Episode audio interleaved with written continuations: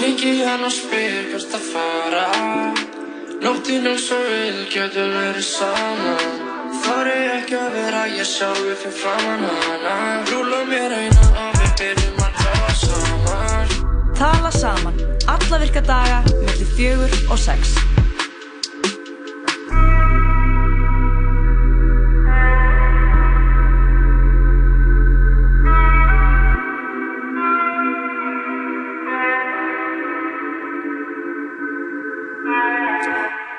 Nefnilega bara þannig, tala saman, er uh, komin í loftið og uh, Ingebjörg Eða Birna Marja, við ætlum að fá að vera með þér kæri hlustandi næstu tvo klukkutímana og uh, sprella og hafa, hafa notalegt fyrst og fremst. Já, uh, skemmtilegur þáttur í framöndan. Við erum með nokkra gesti á samt í að bara ætla að fara yfir New Wave, vikunar, uh, hvað er helst í fréttum og meira og meira. Já, við ætlum að fá í mitt góða gesti, við ætlum að fá einn eftir örskama stund koma, já, tveir meðlumir unglega hreyfingar Amnesty International og uh, ætla að kynna viðbörð sem að vera á morgun og sömurleis kannski aðeins að fara yfir svona, hvað þau eru að já, svona, leggja mest áherslu á þessa dagana. Já, einmitt, ljóðakvöld Amnesty sem er annað kvöld á loft. Uh, að með minnir, þetta eru þær Ardís og Snædís sem ætla að koma hérna til okkar og ræða þennan skemmtilega viðbörð þar sem þau fá til sín ung skáld, uh, ung upprennandi til Mhm. að flytja ljóð. Já, heldur betur. Og uh, hver veit nema að sé eitthvað meira í gangi þarna á morgun? Við þetta kemur allir ljós Já, á já. eftir. En um, ásamt þeim þá koma fleiri gestir núna þegar líður á þáttinn og uh, klukkan upp úr fimm þá ætla þeir Kjartan og Magnús að koma til okkar. Já. nú er fólk eflaust að velta því fyrir sér já, hverjir eru þessir Kjartan og Magnús? En þessir ungu strá, strákar, ungu drengir og miklu snillingar eru félagar sem að voru að byrja með hlaðvarp á útarpundur einum Þetta hlaðvarp er búið að vera aðeins í gangi og undan því að þau farið sér hingað yfir. En þeir voru að gefa út fyrsta þáttinn uh, í samstarfi við útvarpið núna í gær. Hann fluttur klukkan eitt á Mhm. sunnudegi og verður verður fluttur á þeim tíma hérna frá. og já, ég laka til að heyra hvað þeir hafa að segja um málið. Já, heldur betur. Þeir eru sko að, eh, já, í þessum þáttum að fara yfir svona helstu leikverk sem að eru, það var alltaf okkur sýningu og svo að taka fyrir og svolítið svona gera upp sýninguna. Og þeir eru búin að fara alls konar sýningar og það er svolítið svona, uh, þeir eru, þeir eru öðru, þeir eru hérna mjög, um, þú veist, þeir eru ekkert alltaf sammála, við getum orðað svo leiðis, en, Ok. en það er gaman að, gaman að þessu og ég mæli með að hlusta á um, þessa þætti en það er heita Leikhúsið, einfalt og þægilegt. Já, einmitt, og í fyrsta þættinum hérna á 100, útvarp 101 þá fjalliðu þau um atómstöðuna endurleitt sem er sínt í þjóðleikúsinu um þessum myndir. Og hver veit nema við spillum aðeins um það líka? Já, það bara, og líka bara hvað þeim finnst, sko. Nákvæmlega, ég er nefnilega búin að sjá þessa sýningu og ég hlakka mikið til að sjá hvað þeim finnst um þetta. Ég er reyndar eftir að hlusta á þáttinn, ert þú búin að hlusta á hann, Birna? Ég hlusta aðeins á hann áðan, þeir voru með eitthvað sögur af um, einhverju frumsýningapartí og það var eitthvað, eitthvað dót í gangi, þetta var, það var víst uh, erfið, erfið sýning, eða ekki sýning, en, en þetta var eitthvað, þetta var allavega eftirminnlegt kvöld. Ég skil, ég skil En uh, þetta verður bara, einmitt, rólegt og nótulegt. Ég svona vill alltaf leggja áherslu á mánudöfum, sko, á að þarna hafa bara þægilegt. Já, bara að fyrst og fremst notalegt. Bara að spila góða tónlist, og við spilum reynda mjög oft góða tónlist, en spila bara tónlist sem bara, þú veist, mann líður vel við að hlusta. Einmitt. Annarkvort er hún mjög peppandi, eða kannski bara sing-along, eða bara eitthvað Bara eitthvað sem bara næs.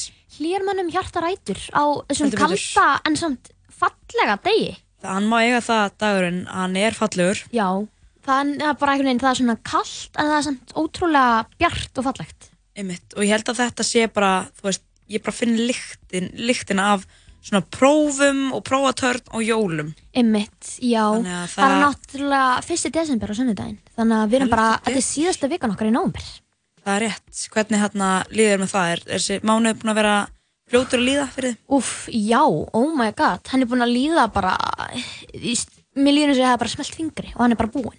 Og svo einhvern veginn verður desembermánuður alveg eins, nema kannski fyrstu tvær vikunar, þegar fólk er svona í prófum, en svo allt í einu verða bara komin jól og svo allt í einu verða komin áramót og þá allt í einu er bara þessi áratugur búinn. Það er rétt. Þið heyrðu það hér ótafnændur einum þetta. Þau bráðum er búið árið.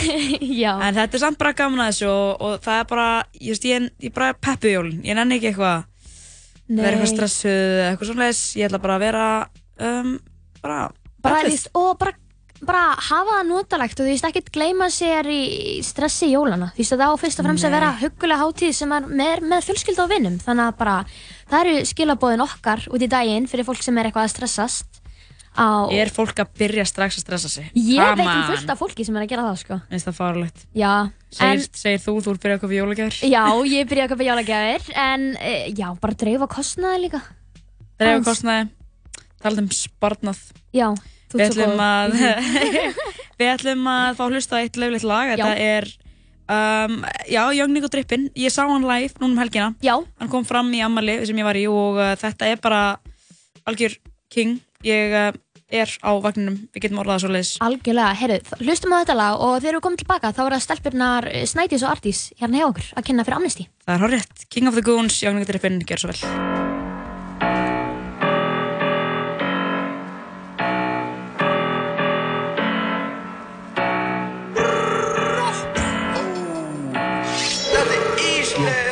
Og ég trappið út Ég tók þetta shit og ég trappið út Ég tók þetta shit og ég trappið út Trap, trap, trap, trap. Ég coolinn, samt ekki að fatta þú Þar að trappið upp, þar að trappið út Hoppa inn og út eins og woo woo woo. Gerði þetta shit á motherfucking smooth Ég gáðar, þar ekki að mappið út Ég þampast út eins og oh shit. Ég fluti, þurfti að færa þessar hluti Þurfti ekki að æsa hluti Hálsinn Ég er ungur savage Stórt blönd og ég trappið upp Ég er 90s baby. Grimman hund út í garðinu Ey Bitch ég er trap house. Ég kefti eitt trap house. Ég breytti í stash house. Ey, já Ég kefti eitt grow house. Til þess að smoke smá Þetta er smoke house Ungur ykkur flýgur mættur í bygginguna er að fara að trappa upp og að trappa Ég tók þetta shit og ég trappið upp Trap, trap, trap, trap Ég er coolinn, samt ekki að fatta þú Þar að trappið upp, þar að trappið upp Hoppa inn og út og woo woo woo Gerði þetta shit á motherfucking smooth Tók þetta shit og ég trappið út Ég tók þetta shit og ég trappið út Ég tók þetta shit og ég trappið út Trap, trap, trap, trap Ég er coolinn, samt ekki að fatta þú Þar að trappið upp, þar að trappið upp Hoppa inn og út og woo woo woo Gerði þetta shit á motherfucking smooth Afsaki hver var að panta skúringar Bitch ég er aftur í slipandi kúlir maður. Þetta er movie, þú misti kúlir Ey, þeir fá ekki komast inn í krúin. Ég er með juice, juice, juice Splash, farin í cruise Tryggast ég að það er svús Shoppið upp kung fu. Ég er king of the goons. Ég fór stopna í klúb Bitch ég er flýjar en þú. Mér langar í AMG Coupe Bitch ég er flýjar en rúla svo motherfucking djúft Ég fór að stopna í klúb Flugklúburinn, bitch. Mér langar í AMG já Klíka mig rúla svo motherfucking djúft tók þetta shit og ég trappið út Ég tók þetta shit og ég trappið út Ég tók þetta shit og ég trappið út. Trap, trap, trap, trap. Ég coolinn, samt ekki að fatta þú Þar að trappið upp, þar að trappið út. Hoppa inn og út eins og woo woo woo. Gerði þetta shit á motherfucking smooth Skópið út eins og CSGO Ég með stóran hóp, fullan candy cone. Hann er alveg snart so loco. Þú er bitch boys, þú er popo. Eftir eitthvað hérna er fimma. Já, fullt af sennum sem að hrinja Vilja ekki sjá mig vinna. Munu aldrei fólk skilja. Þetta shit bara byrja. Ég kom inn í húsi með svo mikið drift að synda hey. Þú ert ekki að gera neitt svipa, nei. Gerði þetta shit so easy. Versace frames, ekki 3D Ég bara flexi svo fitness bro. Ætti að vera í Guinness bók. Ég bara Guinness dope Ég bara hlaupandi í burtu frá tólf. Nico er frá völlunum. Já. og hann eins og við höfum ekki sagt það þá er hann konungur gúnana sko. hann er mikill áhrifaldi gúnana sko. hann kom með Gang til Íslands sko. Einmitt, hann er gún Savage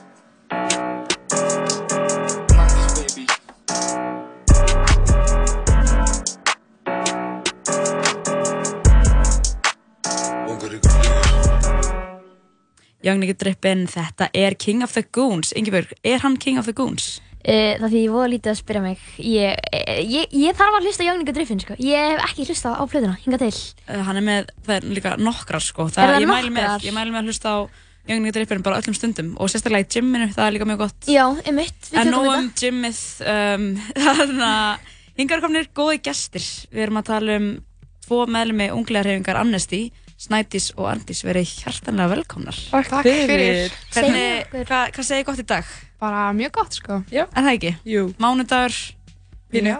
smá mánudagur, Já, smá, smá. mánudagur, ég, mitt, ég Já. get alveg vott að vera það, það er mánudagur líka, hann að Já. hann er samt fallegur, finnst ykkur það ekki? Jú, þetta er góð mandagur. Þetta er mjög góð og mandagur. vorum við það að ræða það hann er, hann, er, hann er svona, hann er, hann er kaldur en hann er bjartur Já. Ég mitt, ég var ræðin á mánudag aðeins meira. uh, nei, segið mér svolítið mikið segið mér frá því af hverju þið eru hérna komin í sítiðsáttin hvað er, hvað brannir ykkur á hjarta fyrir Amnesty? Um, já, það er það. Við erum Um, sem sagt, við erum í unglega hring Amnesty Já. og við erum að fara að halda ljóðakvöld á morgun á loft klukkan átta eða ekki? býtið ég ætla aðtöða það. Fakt Eh, checka hérna, en já, já. ætla að halda ljóðakvöld. Það er, Já. já, það er sagt ljóðakvöld og lifandi bókasafn. Ymmit. Og hvað fælst í... bókasafn byrjar 6 og ljóðakvöldi 8. Já, þannig að það er svona smá uppbytun fyrir ljóðakvöldið. Já. Já. Næs. En hvað hann hvert er, hver er að fara að koma fram með ljóð? Með allir koma fram eða Já, hvernig svona er? eða, Já, eina regla núna er bara að vera undir 25 ára. Já, það er svo sett af því að hérna, þemað í þittna björga lífi í ár er fólk undir 25 ára og við erum svo sett að sapna hérna, undirskriftum þá. Næs. Og er þetta kvöld þá svona vitundavakning fyrir undirskriftusöfnunina? Eða er þetta sér kvöld af vegum amnesti? Uh, þetta er svona tengist í bara Já. Í skil. til að hafa eitthvað svona eitthvað Til að hafa skemmtilegt eitthvað í með kringum þetta, já, og já, vekja Geggjað. kannski meiri aðtegli á hérna uh, herrferðinni Já, og þannig að þetta er ykkur svona bara ung og upprennandi skald, skils mér, sem er að flytja bara sín Já. eigin ljóð. Já, já þess að þetta eru allir að flytja sín eigin ljóð Já. og mástu hvað, hvað eru mörg ljóð, ljóðskald sem Uh, kom fram sko, ég ætla að, enn sem komið eru 1, 2, 3, 4, 5, 6, nei, 6, 7, 7, Já, 7, ok, en nice. listin er ekki tæmandi. Ok, þannig að það gæti líka verið að þarna sé eitthvað skáld bara sem að er kannski stíga sín fyrstu skref og verður svo bara eitthvað huge í Já, framtíðinni. það er mér þess að bara mjög líklegt, sko. Þú ætlar að flytja ljóð? Já, ég ætla að gera það. Kannski verður þú huge svo í ljóð, ljóðskáld. skáld. Hver veit? Mér finnst þetta ótrúlega flott framtak út af því að þú veist, þannig að það er svo ótrúlega, mér finnst búin að vera svona síðan svona þremur árum kannski, búin að vera svona meiri vitundavakning í bara ljóðagerð og fólk er að þóra að gefa út ljóðabækur, bara ungt fólk, ótrúlega flott að tvinna þessu saman, þannig að bara innlega alltaf hafa mikið með þetta og segja okkur meira frá þessari undirskriftasöfnun. Já, sem sagt á hverju ári er hérna þessi herrferð þittna björgalífi og hún var reyndar að fá bara nýtt nafn núna, hún hétt alltaf Breitt björgalífi eða Brífamarathon og hérna einmitt. Ég man eftir því í grunnskóla, maður fekk alltaf eitthvað svona að koma alltaf þarna fullt af svona brefum og maður var eitthvað, oft Já. er hann eitthvað að æfa undirskriftina sína. Já, og það er svo sagt um, Já, hún er á hverju ári og þetta er svo stærsti mannrétt viðburður í heimi Vá. og þetta er bara í öllum heiminum verið að safna undirskriftum fyrir þessi tíu mál Sömu tíu málin í öllum heiminum. Já, og, sagt, og það er alltaf þema og þema í ári er ungt fólk og þá er bara verið að safna og þá eru öll málinn tengd fólki undir 25 ára og svo í fyrra þá var þema konur og þá var bara verið að hérna safna undirskriftum fyrir baráttu konur Já. Og já En þetta eru tíu mál og uh, einmitt, tengjast öll ungu fólki bara frá öllum heims hodnum. Hvernig hefur gengið að safna undirskriftum?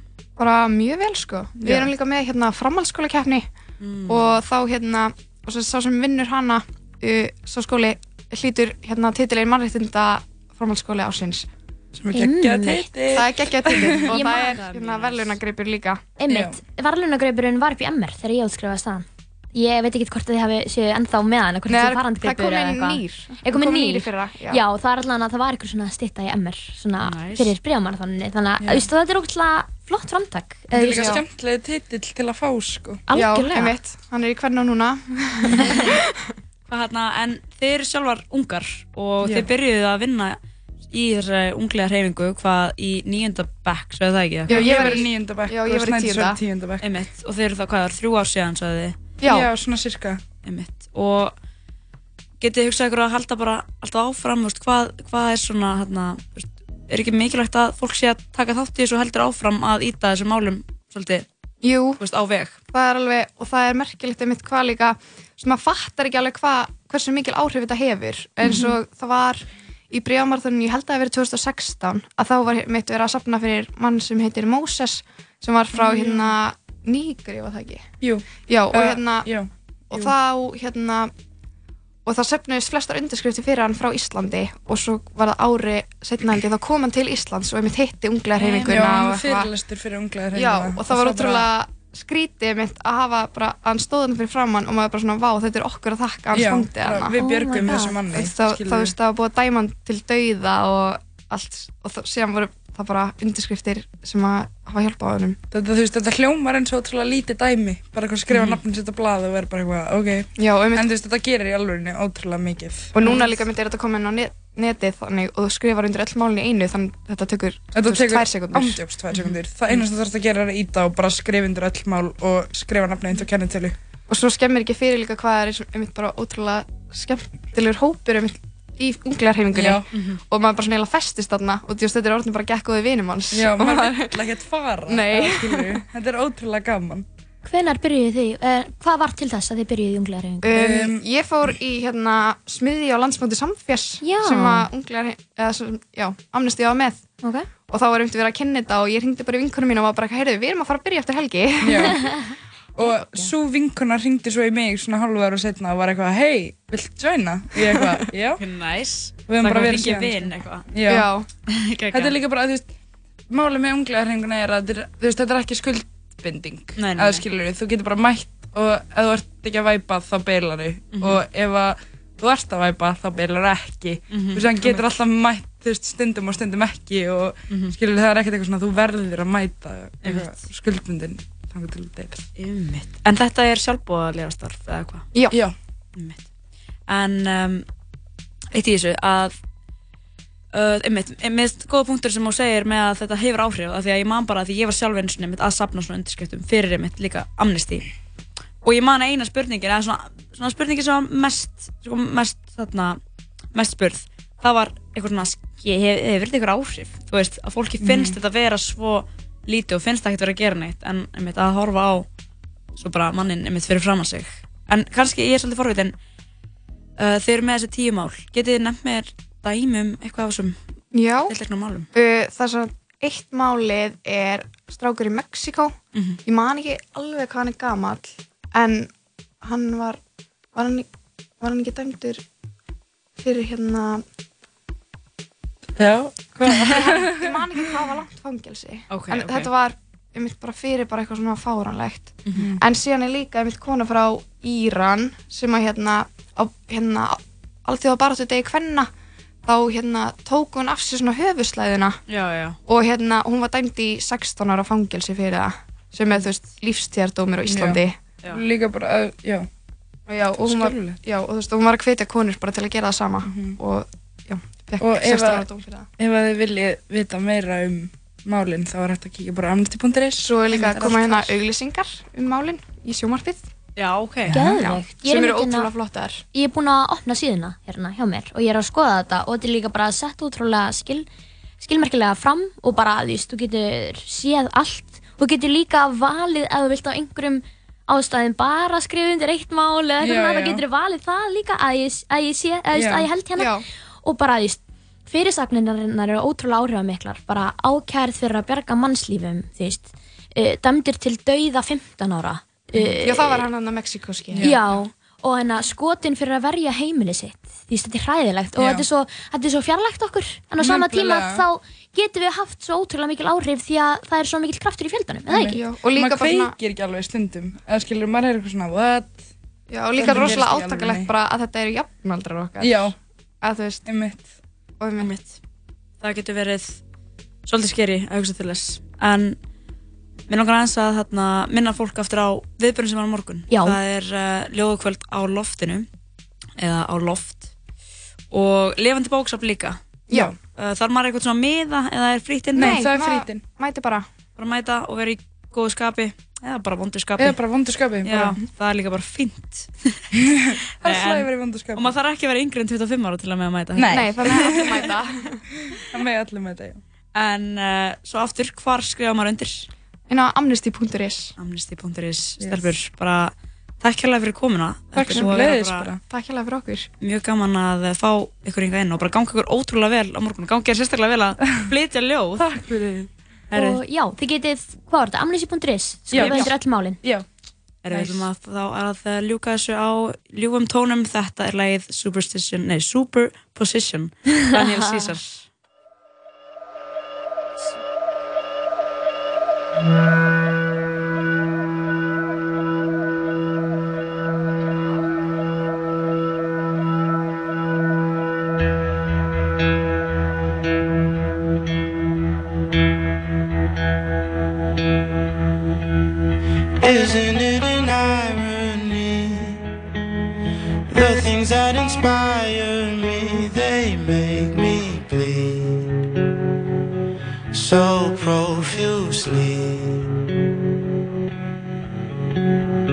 I got everything I need time and space to think and breathe. What does it mean when cash grows on trees?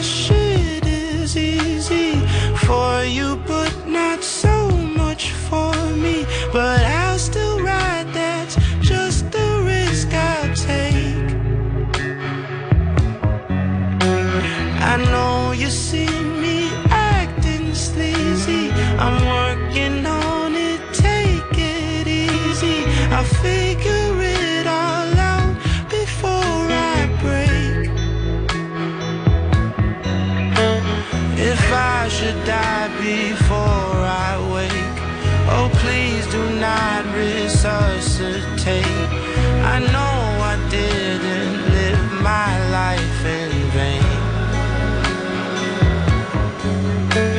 This music shit's a piece of cake. The rest of my life's in a state of chaos, but I know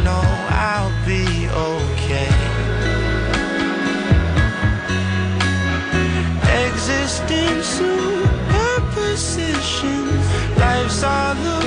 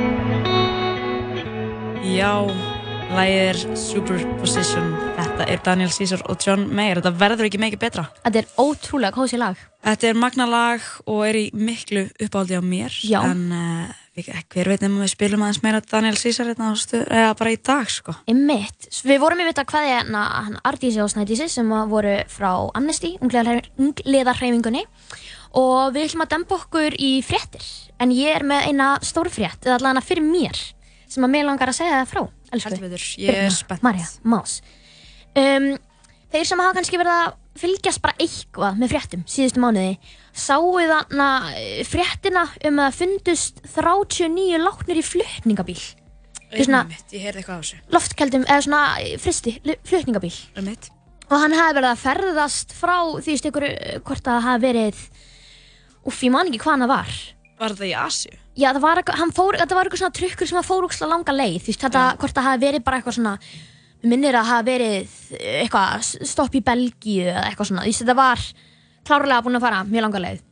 En sem sagt, uh, bílstjórin sem var að kera hann bíl, sem hann er norður írskur, flutningabílstjórin Morris Robinson sem sagaður er um aðild að dauða 39 sem fundist látin í gámi vöruflutningabíls í síðustu mánuði hefur játað sög vegna ákæru um aðstóð við e, ólöglega fólksflutninga og þetta voru sko hann er ákærður fyrir Einmitt. og, na, og hann er 25 ára og hann er sagaður um að tengjast alþjóðlegum smikring Ok. Og þetta eru 39 einstaklingar, þau voru allir frá Vietnam og fundust látin í gámi bíls á yðnaðsvæðin í Grace, austur af London, Mhm. 23. oktober síðastliðin. Og þess að þetta voru 31 karlmaður og 8 konur og þeir yngstu í hópnum voru 2 15 ára drengir. Þannig að þetta er bara eitthvað svona verið að smíkla fólki og ég veit ekki hvort að þú veist, það verið ekki enda verið gefið út eitthvað svona dánarorsök eða neitt þannig. Þannig að, húf, ég er bara, mér finnst þetta svo hræðilegt mál. Ég maður bara þegar þetta kom út að ég bara svona, ég held einhvern veginn að þetta væri frekar fjöl, eða þetta væri eitthvað svona, ég, mig, mig grunaði einhvern veginn ekki strax að þetta væri eitthvað svona fólk að vera að smíkla fólki. Ég, En hvað meina að vera smikla fólki? Bara líkum? Bara... Nei, ég veit, það er ekki búið að gefa neitt mikið út um þetta mál því að náttúrulega, ákjæruvaldið vil halda um, þú veist, trompunum bara næri, næri sér, fattur þú hvað ég meina? Þú veist, þau vilja spila þessu út í réttan máta í rétturhaldunum en, þú veist, ég veit það ekki ég held einhvern veginn bara að það hefði verið einhvern veginn öðru, þú veist, mér grunnaði ekki að þetta væri það verið eitthvað svona annarkvort þá, ég get ímyndað mér að þetta sé annarkvort eitthvað svona ólöglegt vinnuafl eða eitthvað svoleiðis Mhm. eða hvort þetta sé fólk sem er að flýja heimkynni sín og veist, leita aðstóðar Já. þetta eða bara e, e, þessa manns eða veist, það hefur bara verið nefnt í ánauð eða eitthvað, ég veit það ekki Úf, það hefur ekkert verið gefið út um þetta þú veist, allavega neinar ástæðar af hverju hvernig fólki dó eða hvernig það fór í innan flutningabíl Nei, mitt. þetta er, er bara hræðilegt og þetta er sko, þetta er ekki einu svona vennileg flutningabíl þetta er svona fristi flutningabíl hann er bara svona ó, þetta er ógeðslegt sko Þetta er, þetta er mál sem þú þarft að taka. Já, Eða verður gert upp þar sem. já það, það kannski alveg samt alveg tvö ár í þetta það- 15 ár. þegar við 15 erum ár ennþá- Og öll, vorum að fara yfir öll glæpamál. á Já. Nei, bara í heiminum. einmitt, En einmitt yfir í allt annað þá Yfir í uh, eitthvað sé allt hérna annað. stjörnulífið, það er liður á lífinu á- inn á vísir.is og ég kann betur við það heldur en vikan á Instagram hjá DFF. Ég skal bara, ég skal bara viðurkenna það. En þetta er ekkert venjulegt stjörnulíf, Birna. Því að, eh, er það, ef mér skjáttlast ekki, þá er þetta í fyrsta skipti sem að þú ert í stjörnulífinu. Uh, veit það ekki. Veistu það ekki? Geti alveg verið að ég hafi ratað neina einhvern tímann áður. Já, en, það, en þetta er allavega, þú ert allavega í þessu núna. Það er bara fín myndaðar hérna á uh, fórsíðinni. En við ætlum aðeins að rúla í gegnum hvað var að gerast inn á gramminu um helgina og, Og Facebook greinlega og líka. þau eru farin að bara, þú veist, þetta er það sem ég vil fá, bara, þú veist, hvað er að frétta? Ég maður þá þarf maður ekki endilega að vera eitthvað með alla, like alla á Facebook eða, eða follow alla á gramminu, maður sér bara hvað er að gerast, þess að bara, þú veist, það er eitthvað að hendi í bók og nökkvi fjalar mætir í leikús, hann fór á Shakespeare verið ástfangin, veit ég. Já. Um, fór vantilega ekki fram hjá neinum að, eh, já, Aron Kahn held upp á Twitter saman sitt Um helgina. og það var, það var mikið, eh, mikil veistla þar Já. á bæ. Hann, na, það var svona fótobúð Já, og mikið notað. þaðan koma margar myndir sem verið í stjörnulífinu. En það voru mótmæli á lögadaginn Já. og hatari kom, komið þar fram Já. en uh, þar uh, vakti þeirra flutningur mikla aðtegli og uh, það voru fullt af fólk sem mætti líka á mótmælin það voru alveg nokkur þúsund manns Ummi. þannig að hér, hér sættu þeir mynd af sér performa inn á grammið en það er alls konar fólk er í fríi og þú veist ma maður er bara eitthvað svona uff bara þú veist Já. æ, en, Myndin sem stendur upp úr hjá mér í þessu uh, stjörnulífsinnleggi er bara myndin af Birgitulíf með hundin sinn í alveg Bella. Bella, það eru svo sætar saman sko. Myndin sem stendur upp hjá mér svona persónlegt og prívat uh, prívat álit, það er um, Daniel Ólafsson Daniel Deluxe, hann er Já. í Buenos Aires stjórnuplöðsnúrun sjálfur, þetta er helviti góð mynd af kallinu minna Touchdown Buenos Aires, Iron Man, let's get it segir hann. En hann er góð vinnur stöðarnar og já, ég já, er bara gott að sjá hann vera í svona vera svona slagan og á því sko. Hann er, hann er, hann er, hann er tignalegur á þessara mynd sko. En svo er hérna mynd það sem stendur Sunnum Einarstóttir brosir inn í sér. Það er sett I'm smiling inside. Mér finnst bara svo fyndið þegar þau þýða í þetta beint En hún er með Hún er alltaf uh, vel til fara. Það er ekki hægt að komast fram með því. það er bara hár rétt hjá þér. Ég er hérna bara Við finnst bara gaman að fylgja henni sko. Já, algjörlega sko. Ég, na, um, ég stið ekki eitthvað svona skít sem er verið að setja á áhrifavalda. Því að fólk er bara að gera það sem það vil skilur maður breytir engum öðrunum með sjálfum Já, sér. ég meina Þú veist, svo fer það líka bara eftir því á hvað maður hlustar sko. Er, Er það ekki bara? Er það ekki bara. En já, þetta sko, þú veist Þessi helgi var alveg, þú veist Þetta var, alveg, alveg, sko. var alveg pökkuð helgi en það er kannski ekki gert eitthvað úttækt úr öllu sem gerðist. Þú ætti náttúrulega ammali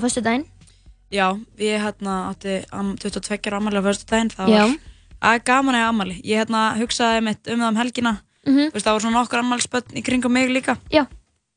og ég fór að hugsa þetta bara að eiga ammali, það er ótrúlega þú veist, að því að stundum hugsaði líka svona, ég vil þetta kannski að veist, ég er ekkert eitthvað ég er ekkert á móti ammælistögum, en ég er samt svona þú veist, hvað er þetta? Þetta er bara einhver dagur sem ég á og allir eiga eitthvað að dyrka mig af því að maður getur líka farið þegar maður færi svona ógæslega mikið af kveðjum og eitthvað þá getur maður líka farið að vera, þú veist, svona smá svona eitthvað, ó, eitthvað af hverju þess ekki að segja, þú veist senda mér kveðju, eða eitthvað æskilur maður getur líka Mhm. næstu farið að vera svona eitthvað byggja meira Já. og, og þarna á meðan að, þú veist, bara pælti í hvað þetta er bara fallegt konsept að fólk sé bara senda þig bara eigu góðan dag og oft fæði maður líka bara eitthvað auka oft er maður bara að heyra í einhvern sem maður er ekki maður að heyra í ótrúlega lengi og maður fæði alltaf bara eitthvað herru, bara, þú veist, bara til aðeins með daginn saknaðinn, bara, Oh my þú veist, ég vona að þetta, þú veist, sko. og maður, maður fæði alltaf svona tækifæri og bara, þú veist, sama hvort þú sérst að taka við eða hvort þú sérst að, þú veist, senda á okkur annan til þess að rósa ég mitt líka, bara, heyrðu það, geggja að fylgjast með þér eða bara, ef geggja hann dag, ég sá hann var góður, eitthvað vonda kvöldi var líka, að þú veist, allt þetta. og þú, maður getur líka hendi bara, heyrðu, langt sen ég sá þig og gerir að gera eitthvað um jólin eða eitthvað. Algjörlega, því að ég sko, ég veit bara þegar ég á afmæli.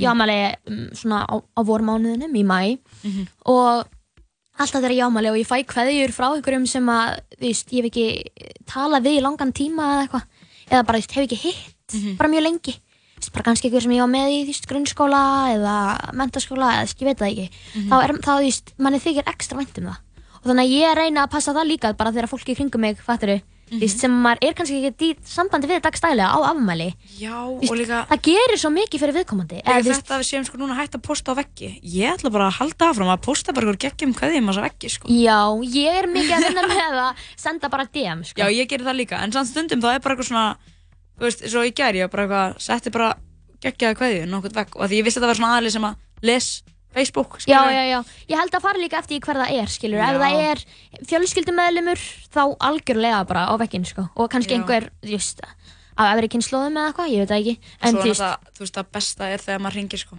já En ég, það- ringi, já. ég reyna að ringja alltaf ef það er svona þú veist, fjölskyldumæðlumur og svo þú veist, ef þetta er einhver góður vinum mann þá hittir Mhm. maður hann náttúrulega skilur Ég var stundum í því sko sem að var mjög vinsælt Ég mæl með ef að maður vil vera svona skemmtilegur Já. Og kann, þetta er ekkert með frumlegur en samt svona bara, þú veist, láta fólk brosa Já. Að það er að senda bara Snapchat eða Instagram eða eitthvað myndband á Facebook eða eitthvað að sér bara syngja ammálsöngin Ekkert eitthvað vel, þú getur verið bara eitthvað Oh no, eitthvað hérna En þú veist, það er í alvegni, alltaf ef við gert það þá er fólk bara, eh, þetta er ekki þetta eitthvað hérna Og Oh my God. það er svo gaman, Já, skilurðu. algjörlega Ég meina, sko, síðast þegar vinkona mín átti ammali þá fórum við svona, gerðum einhverja skemmtilega hluti sko, þú veist, fórum í fórum í Rush held ég. Fórum Einmitt. líka í því, eitthvað svona fórum að gera eitthvað svona skemmtilegt. Svo fórum við á hamburgerfabrikana. Já. og létum spil, veist, og svona veist, og við, hún sagði engum að hann ætti ammali, skilur en ég fór bara eitthvað svona upp á þjóninum og ég bara, heyrðu hérna, vinkona mín hún er hérna 19 ári í dag. Getur þið kallað upp í kerfinu og spila Argentínu með Ingo Veðugvið og hann gerði það bara og það var bara ógíslega fyndi moment og skemmtilegt, skilur Og hvernig sjáttu þetta á fabrikuna fyrir það hérna, að bjóða upp á þetta ammælislaga svo ógeðslega Það var fyndið. í leiknum, Og það er bara þannig. það er svo líka svo ógeðslega, það var svo komið síðustu við vorum bara eitthvað þarna. Og það var bara eitthvað svona fjölskyldur með börnin sín eitthvað að fá sér að borða á miðgudagskvöldi og við vorum bara eitthvað mættar hérna þrjára að fagna 19 ára afmælistegi vinkunum minnar eitthvað, bara svo out of place en bara smá góla við guð sko en tíminn líður og uh, maður verður eldri, maður á ammæli á hverju ári Já. og maður verður bara að njóta þess. Einmitt, og En bara svo- fagna því að verða árun aldri það, Já, það ég er ekki meina- allir sem að fá að lifa lengi eða, þú veist, Nei, bara alls bara ekki. fagna og, og eins og Sola og Gló sagði mér, eða Sola Holla eða hvað sem fólk uh, kalla Lýsa hana, kallar- Sola Eiríks Já. þá hérna bara, hún, hún var segja bara eitthvað svona það er svo gott og gaman að eldast. Og hún horfði svo djúpt í augun á mér þegar hún sagði þetta að ég Mhm. var bara eitthvað, úst, á ammælstæði minn líka. En hún var ekkert að meina tengt, að því- tengt því, hún var bara eitthvað svona að tala um sig og eitthvað svona og ég var bara eitthvað djöðlir spennt að vera gömul maður. En við ætlum að fá að uh, lega hlusta á eitt svona tímalag. Þetta er Já. lagið TikTok 6ix9ine og uh, Lil Baby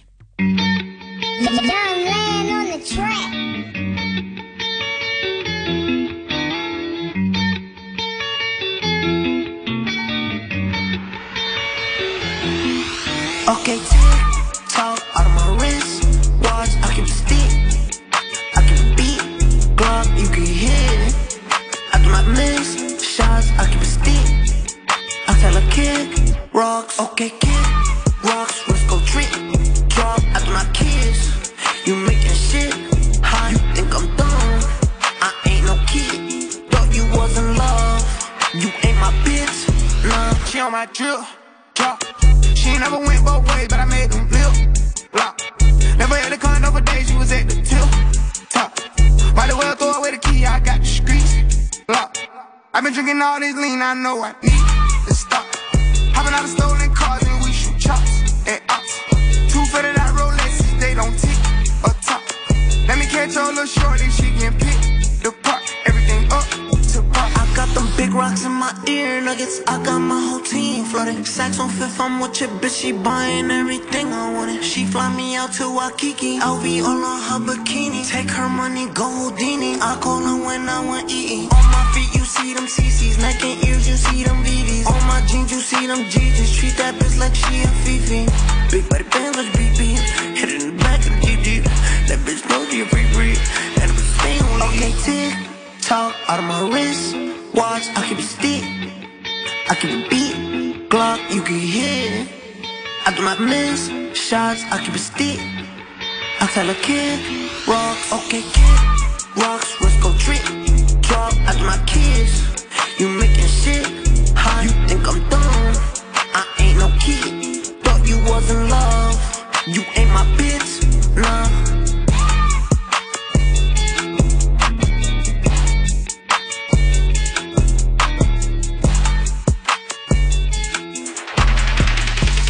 saman. Alla virka daga, millir fjögur og sex. Í bóði Dominos og Zombieland Double Tap Komin í bíó Hamburgerabúla Tómasar Hamburgerabúla, hamburgerabúla, hamburgerabúla Tómasar Ferst, holdt og framandi. Nings og kroppurinn blómstrar. Fylgist með okkur á Twitter og Instagram at 101 Live Radio. Já, við erum komin aftur hér undan var það TikTok, það var 6ix9ine og Lil Baby. Já. Smá, við vorum að tala um tíman og vorum að tala um hvað tímlið hratt og Einmitt. vorum aðeins, gerðum upp helgina svona létt og, og Já, bara á léttu nótunum. við ætlum að halda áfram að fara löglegt yfir helstu fréttir. Já, En, ég rambaði hérna inn á svolítið sjokkrandi frétt eins og maður segir á góru íslensku. Það er hana að farveitan Uber sem að hlustendur ættu kannski að kannast við hefur mist starfsleifi sitt í bresku höfuborginni London. London Town. Og það bara Sky News greinir frá því að bresk samgöngu yfirvöld telji ymsa þætti, bres, ymsa bresti í þjónustu veitunar sem hafa leitt til aukinar áhættu fyrir farþega. Uber hefur nú þrjár vikur til að áfrýja málinu og getur starfrækt þjónustuna áfrýjina tímunbilinu en ákverðun yfirvalda er þó talin vera mikið áfall fyrir þjónustuna. Einmitt. Og þetta er bara eitthvað svona, talsmaður samgöngu yfirvalda í London segir að þrátt fyrir að Uber hafi bröðist við nokkrum þeim ábendingum sem þeim hafi borist, þykir ekki nóg að gert. Því hafi ekki verið talið rétt að endur nýja starfsleifið að svo stöndu. Óásættanlegt sé að farþegar geti farið upp í Uber-bíla þar sem farþegar séu mögulega ótryggðir og ekki með starfsleifi. Ok. Þannig að þetta er, Þetta er kannski eitthvað sem við skilum ekki alveg. nei, en sko, þess, ef ég skil þetta rétt, að þá er svona, þú veist, ef þetta er eitthvað svona, ef það eru uh, menna að kera þessu Uber-bíla sem eru ekki með starfsleifi, þá ertu ótryggður ef þú lendir í árakstri, fattur þú hvað ég meina? Mhm. Þannig að þá, þú veist, ef þú verður fyrir ykkur að laski, að þú ert að sækja heilbriðisönustu, þá bara ertu ótryggður. Það er náttúrulega ekki gott, sko. Nei, við viljum, við viljum það ekki. En þú veist, um, þetta er mikil skellur fyrir London. Þau nota mikið Uber, en náttúrulega eru náttúrulega með tjúpið líka, sko. Já. Og allt það, en, en þetta er svona... Ég álið tekið Uber þegar ég er í London, sko. Já, ég... Frekar en taxa. Ég, hérna, tók held ég... Ég tók ekkert taxa þegar ég var að núti. Mar, mar, að, ég veit ekki, ég, það er mismjöðandi, sko, bara eftir Já. með hver maður er svona... Og bara eftir, bara hversu hrætt þú ert að komast á milli staða og veist, og bara hvert þú ert að fara í rauninni. En vissið þú að það er til Reyvils app? Taxa app? Ég veit ekki hvað það er Nei. Reyvils. Uh, nei, ég vissi það ekki. Nei, ég komst að því um helgina. Mér finnst að, uh, ég reyndar að það væri ekkert sérstaklega gott. Nei, En það er eitthvað, það er eitthvað. Ég, ég, jú, ég vissi af þessu, ég er að ljúa. Ég, na, ég man bara, að, ég man til þetta kom út. Og þetta var, það ætti eitthvað svona herma eftir Uber eða eitthvað þannig. Já, ég meina ég hef notað svona app í útlöndum fyrir leigubíla og það var algjör snild, sko. Já, en það kannski langt í að þetta verði jafn fullkomi hérna hér á landi. Á þetta er kannski í London og Já, Bandaríkunum. og þú veist, þetta er Eða þar sé náttúrulega- Bretland og Bandaríkunum. En þá, hérna, þú veist, dýrt að, já, dýrt að þó maður það ekki appið eða ringið, sko. Það er Já, bara þannig. úff. En fleiri fréttir, ég er með eina rosalega frétt. Þetta Oh my God. er uh, kannski skellur fyrir suma. Já. En nú eh, stendur hérna fyrir frá mig Mhm. telja ósannað að ekstra tekjá sé nú betra fyrir tennurnar. oh. um, þú veist, þetta er svona vissi maður ekki alveg að, að uh, já, þetta sé ekkit endilega gott fyrir tennunar Ég sko, ok, ég ætla bara að vera alveg hreinskilinn. Ég bara stóði þeirri trú, eða þú veist að, að, að það væri ekkert slæmt, þú ég var ekki að hugsa bara að þetta er gott fyrir tennunar, fattur en ég hugsa aldrei um þetta eins og ég var að borða nammi eða húpa Nei, búpa það eða er eitthvað. rétt sko Þú veist, ég, ég hef ekkert hugsað um þetta eitthvað svona þegar ég er að passa mig að borða rétt, þú veist, maður er að passa sig að borða bara eins og, bara eins og maður sko- gerir, þá hef ég aldrei verið að hugsa eitthvað svona ekstra sé, þú veist, óholt og ég ætti að passa mig að vera ekki að tyggja tyggjó. Skulum samt hafa það á hreinu, ég sagði ekki að ekstra væri óholt Ég Nei, sagði, nei, nei. Ég sagði að það væri ekki, ekki hérna, myndi ekki gera neitt betra En allavega, þetta kemur hér fram að já, Innes heilsannan sem að er að flytja inn ekstra tyggjó um, hafi gerst brotleg þar sem þau eru að full yrða í sér sett örgulega bara auðlýsinga með eitthvað Mhm. að fullyrðingum sérst framkvæmdastjóra og að það segja þau að ekstra tyggjó sé betra fyrir tannirnar og tannheilsu og núna er neytindastofa að krefjast þess að þessar fulleringar verða tekna tilbaka Já. því þetta væri ósannað og Eða bara ekki nægar, ekki næg sönnun fyrir því þá. bara, já, bara ósannar já, Mhm. bara en já, allavega að þetta hefði áhrif á nýstu hegðun fólk sem að er hárétt hjá þeim Mhm. en uh, já, ég bara, þú veist maður, en þetta er samt- þú veist, einmitt samtíma það er smá Já. svona eitthvað tyggja og gott fyrir, tyggja og gott fyrir en þetta er svona þú veist, auðvitað er þetta oft sugar free og eitthvað, Sko, skilur, þetta er- þetta er ekkert eitthvað svona ég- nammi Ég ætla bara að segja, þú veist, eins og ég man bara eftir einhverju svona auglýsingu að þú veist, að þegar það var verið að segja svona að eftir að þú ert að borða eða að drekka eitthvað að þá Já. svona hefst svona verið, þú veist, þá verið að geta á tennurna þínar en að starfsemin, þú veist, að það slokna þeirri starfsemi, eða þú veist, hægja þeirri starfsemi þegar þú tyggur tygg, ekstra tyggjó og maður ætti að tyggja ekstra tyggjó eftir hverja máltíð. Hefur ekki séð þetta? Nei. Þetta var, þetta var alveg, þetta var brandað, sko. ok, Þannig að, ég veit það ekki, kannski, ég veit, ég, ég þekki ekki nógu mikið um málið til að fara, til að fullir það, neitt. Ég á eftir Nei, að lesa mig til um þetta. þú getur komið þitt teik á máli Ég bara, ég vona að þetta sé eh, ekki rétt, að, það- að það sé eitthvað á bakvið því það er náttúrulega mjög alvarlegt brot á neytinda, bara á neytinda, hvað, hvað sem er, neytinda löggjöf. já, bara reynda lögum Já, neytinda lögum, að því bara samkefnislögum að þú sért að auglýsa eitthvað sem er ekki satt.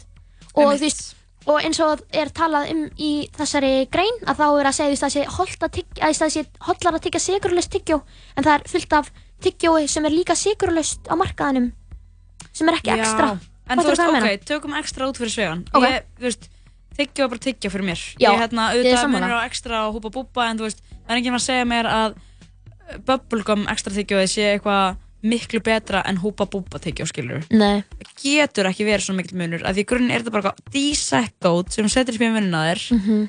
Og ert bara eitthvað að tyggja og þetta er bara eitthvað tyggja núna sko. að það er alltaf stránglega bannað uh, útvarsreglur nummer eitt að banna um tyggja útvarpi en nei, þetta er, þú veist þetta er svona, þetta er fínt. Ég, sé, ég, ætla, ég ætla að fá að fylgjast með þessu máli og, og ég kem með helstu niðurstöður eða eða- eða verður eitthvað ljóst í vikunni.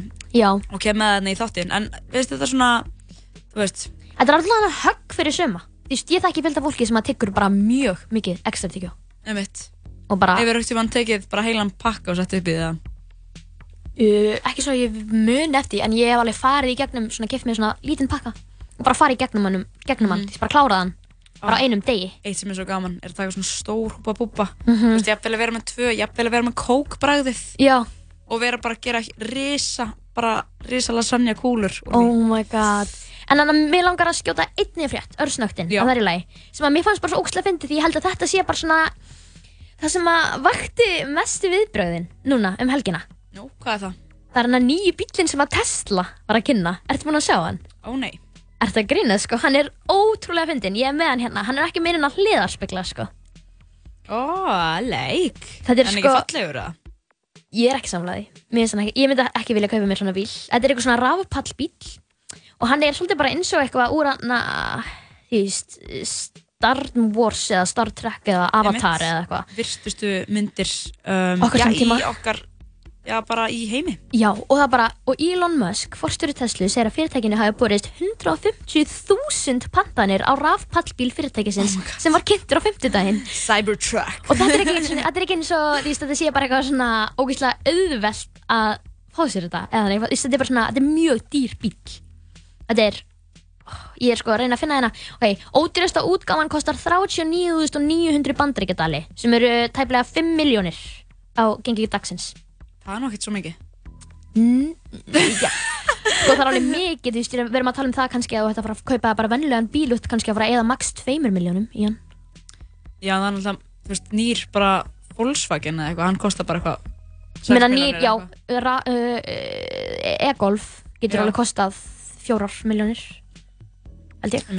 En, þetta er svona swag. Þetta þetta er alveg nettu bíl en þú veist, pældi því að vera bara í þessum í umferðinni? Ég væri til eitt svona til Íslands. Bara, þú veist, einn að púla upp á þessum bíl fyrir mig. Já, það væri mikill draumur. Já, algjörlega og líka bara þú veist, einhver svona ein- einstaklingur sem ánan bíl sem var jafn iconic og Páll Óskar og bílinn sem hann er alltaf að keira Þú veist, hann kemur reglulega með tilkynningar og segir þú veist, nú er ég á, ég held að sé á rauðum núna. Er hann komin á rauðan? Hann var á, hann var á bláum og Hann var fyrst á svona silfur, hann var fyrst á silfur, svo fór hann á bláan, svo fór hann á rauðan Ég fíla það sko. Ég er mjög spennt að sjá hvað hann kemur næst. Já, og mér finnst bara svo gaman því að þú veist, alltaf þegar ég sé hann í umferðinni þannig bíl, þá er ég bara, oh my god, ég er að kæra við Lena Páll Óskari, þú veist, hann er Páll Óskar, þetta er svo, þetta er svo mikið statement, það finnst það ekki? Það er líka gott að vera bara með statement bara með bílinn sinn sko. Ég veit það. En við samt líka kjósum um, að ef fólk þarf ekki bíl þá bara er óþarfi að já, fara fjárfesta í því. Einmitt. En við ætlum að fá að hlusta á fleiri ljúatóna og uh, mér langar næst að já, henda mér í nýjasta lagið frá Billie Eilish. Já, ég hef ekki heyrt það. Það heitir Everything I Wanted og það er sko áhugavert að cover á plötunni Mhm. það er mjög nett, það er svona eins og eitthvað málverk bara eins og, Ég- það er eins og svona eitthvað svona bara Picasso-málverk eða eitthvað nema það er enga fígurur á því Þetta er bara, já, ég ætla, að komast að því, ég ætla að komast að því hvað þetta er. Þetta er eins og sko, þetta er eins og hérna, somebody that I used to know bakgrunnurinn eða já, þetta er þannig vibe pluss brúin í San Francisco, hérna Golden Gate. Já. En Everything I uh, Wanted, þetta er Billie Eilish. Gjör svo vel.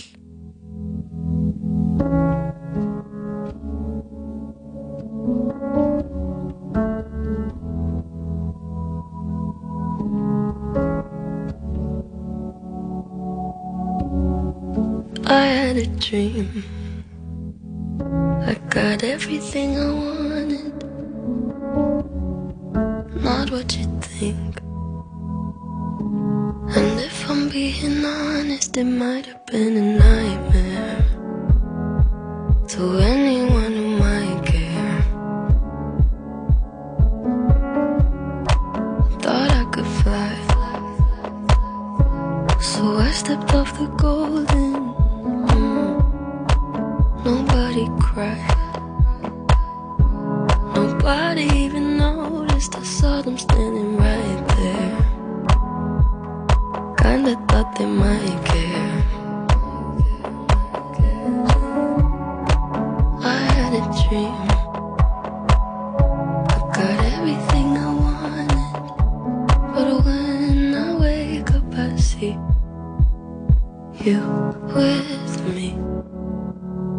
You say,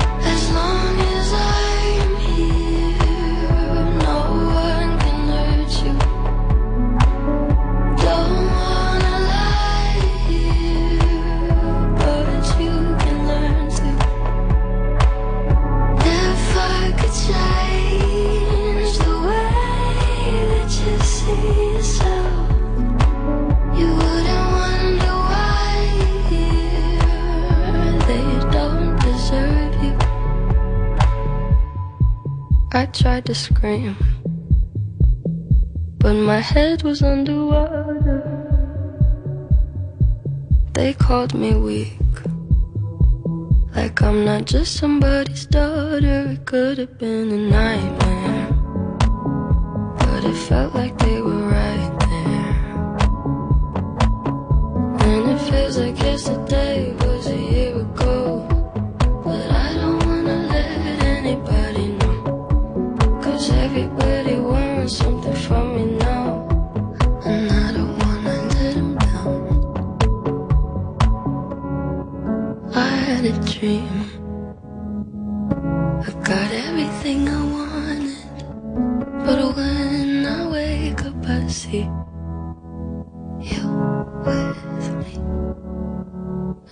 say,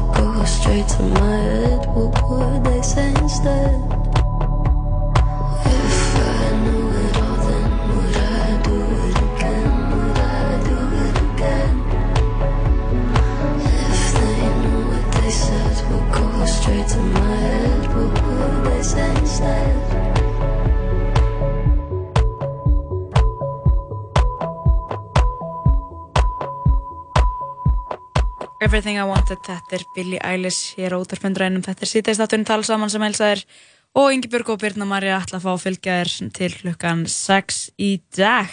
Heldur betur. Ég var reyna að koma að staði á meðan að læði var í gangi hvað þetta væri og, og hver runni hefði kannski hérna Uh, málað þetta cover? Já og, og bara hver pælingi var bakvað því að þetta er ro- rosalega ólíkt því sem að Hún hefur kannski, já, og bara ólíkt væpinu hennar. En þetta er eitthvað svona oljumálverk og Mhm. er svolítið svona, hvað segir maður, abstrakt. Já. Það er ekki svona kassátt.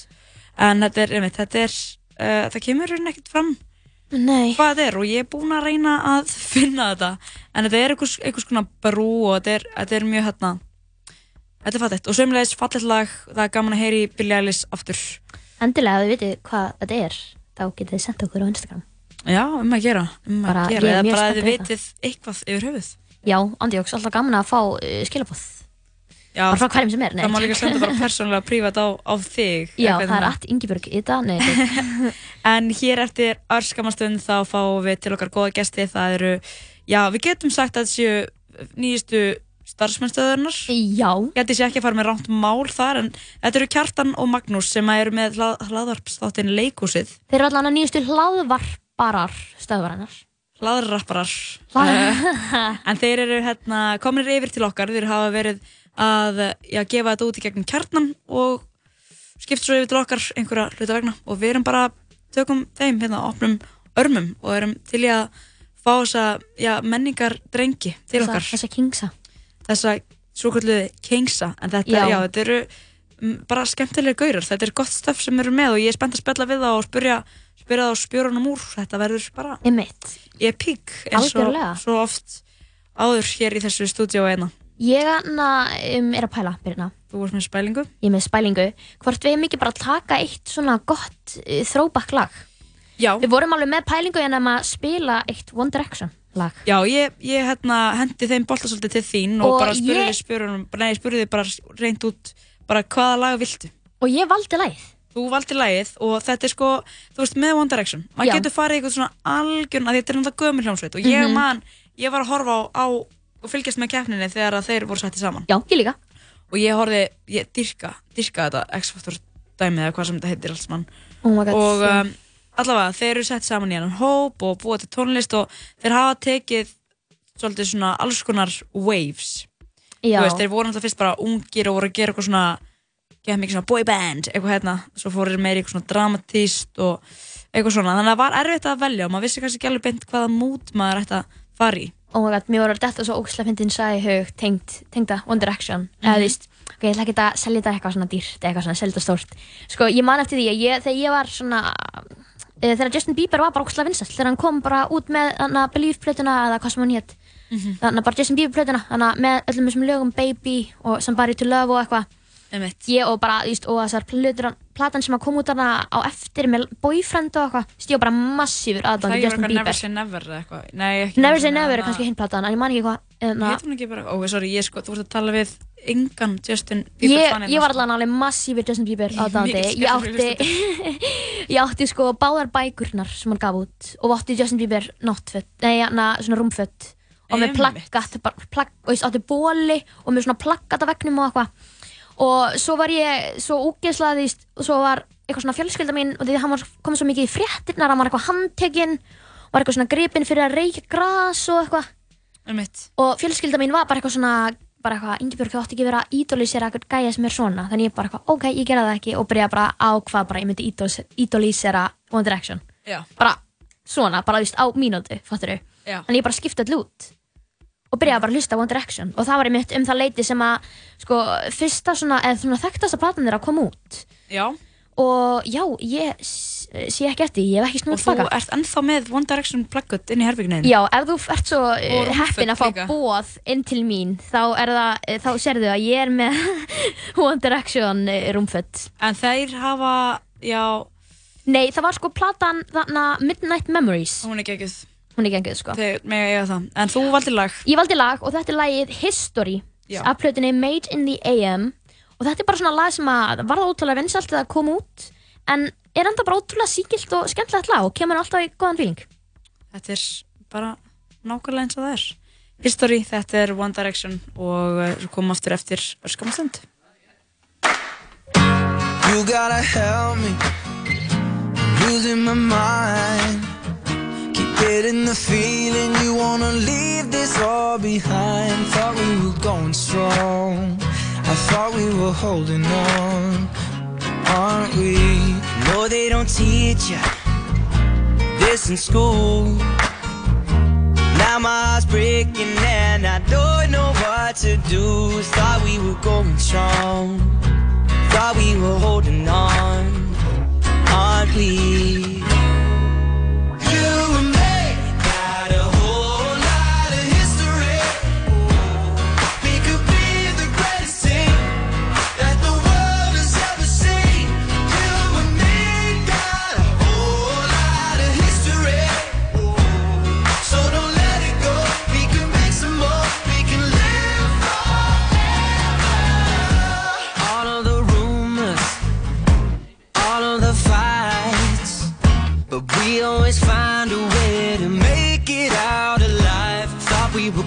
Strong, thought we were holding on,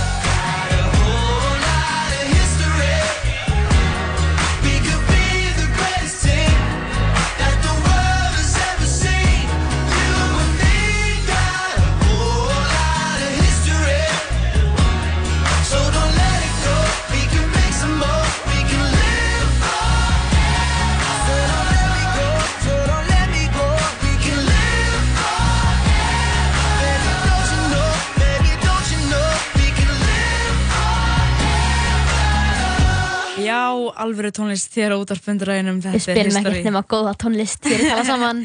Við vorum hlusta á One Direction en lagið heitir History fyrir þá sem ætla að henda þessu inn á playlista sinn. Já, mæla Þetta er gott en uh, já, þetta var bara smá throwback lag dagsins. Emmitt, ég kom með smá One Direction barnesku sögu Maður er alltaf að segja eitthvað frá eitthvað skemmtilega Nei, ég sé þetta í sætti Já, maður mikilvægt fer skjálta sig. Hér er, hér er staðurinn. En Ingeborg, á mándugum þá erum við alltaf með já, svo kallat New Wave vikunar sem við Einmitt. tilkynum og já, þessa vikuna þá er New Waveið royalismi. Já Hvað eh, er royalismi fyrir þá sem ekki vita? Sko, uh, ég var einmitt svona að pæli Hvað væri lega nú í vikunar Og ég fór á tal við uh, Tvo góðvinni stöðvarinnar Eða bara starfsmenn stöðvarinnar Réttar Einmitt. sagt uh, Stopnendur Þeir þá Sigur Bjart og Lóa Petró Og þeir sagði mér að nú í vikunar væri royalismi Einmitt. Og það er bara svona að fylgjast vel með bresku uh, konungsfjölskyldunni Mhm. Og horfa á Crown Einmitt, það er Eða það er hérna alltaf svona þeirra skilgrinning, ég veit ekki hvort það sé til eitthvað svona betri skilgrinning á þessu Ég skal bara aðtöða það Nei, ég meina, þú veist, skilgrinning og ekki skilgrinning, þetta er bara svolítið svona að, eh, já,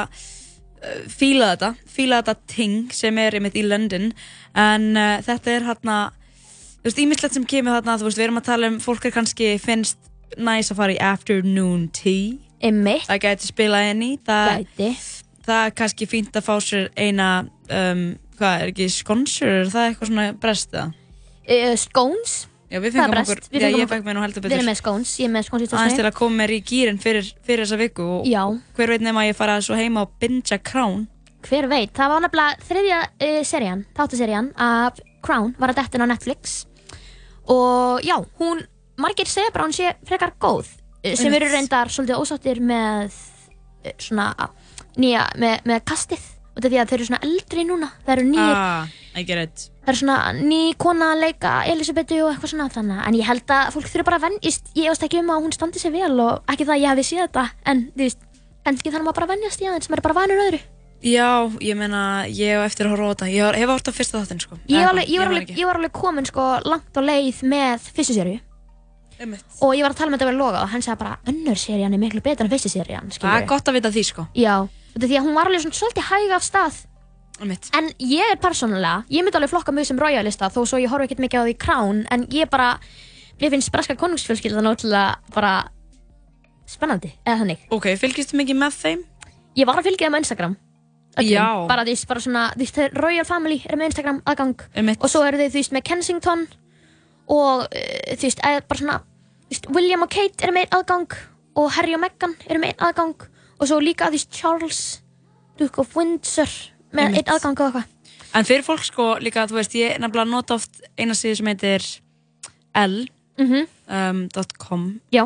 og þau eru ansið dugleg að koma með fréttir um konungsfjölskylduna. þetta er bresk síða sko En, já, já, en ég er samt ekki nógu góði að klikka endilega á þeirra fréttir. Ekki. En ég held að ég teljist ekki, ekki enn til... Um, royalista. Nei, ég er ekki royalisti eins og staðan er núna, Já. þessa stundina. Hver veit hvað gerist, það er svona önnur saga. Já, það má fara rauk fyrir því, ég meina, það horfðu allir á brúðkaupið hjá Harry og Meghan, eða ekki? Jú, jú, ég horfði reyndar á það, en Mhm. ástæðan var reyndar líka að ég var í um, ferju Já. á leiðinni til Patreksfjörðar frá Stykkisholm og tekur ferju þar á milli Einmitt. sem heitir Baldur Já. og þá, þú veist, það það voða lítið net og okkur svona Mhm. Þannig að það sem maður gerði, það var bara að horfa á þessa beinu útsendingu sem var frá sem var á rúf þess þá stundina og það var geðveikt gaman sko. Oh my god. líka þú veist, svo þarna- fullkomið tæki var til að bara svona horfa á eitthvað og vera bara all in, þetta var bara svo fallegt, þú veist, ég var, næst, ég var bara líka við að tárast. Ég var bara greinandi heim í sofa sko. En það er nóg að gerast í þættinum í dag. Já, eh, já, Eða já. nóg eftir að gerast, öllu heldur. Þeir sitja hérna frammi Þeir strákanir úr leikhúsinu. Magnús og Kjartan, Magnús og við ætlum Kjartan. að já, leifa þeim að koma sér vel fyrir hérna inn í stúdíónu og uh, við ætlum að ræða já, nýja laðarsátt stöðvarnar, leikhúsið. Já. en uh, þetta eru bara áskemmtilega þettir en við ætlum að fá að hlusta á Lörundalrei lagi heitir Doing Time. En fyrst örstuðt skilabóð Þú getur hlusta á alla þættina af Tala Saman á Spotify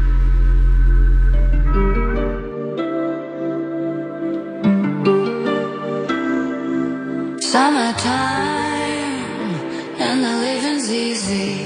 Rallies on the microphone with Ross MG. All the people in the dance will agree that we're well qualified to represent the LBC. Me, me and Louis, we gonna run to the party and dance to the rhythm. It gets harder.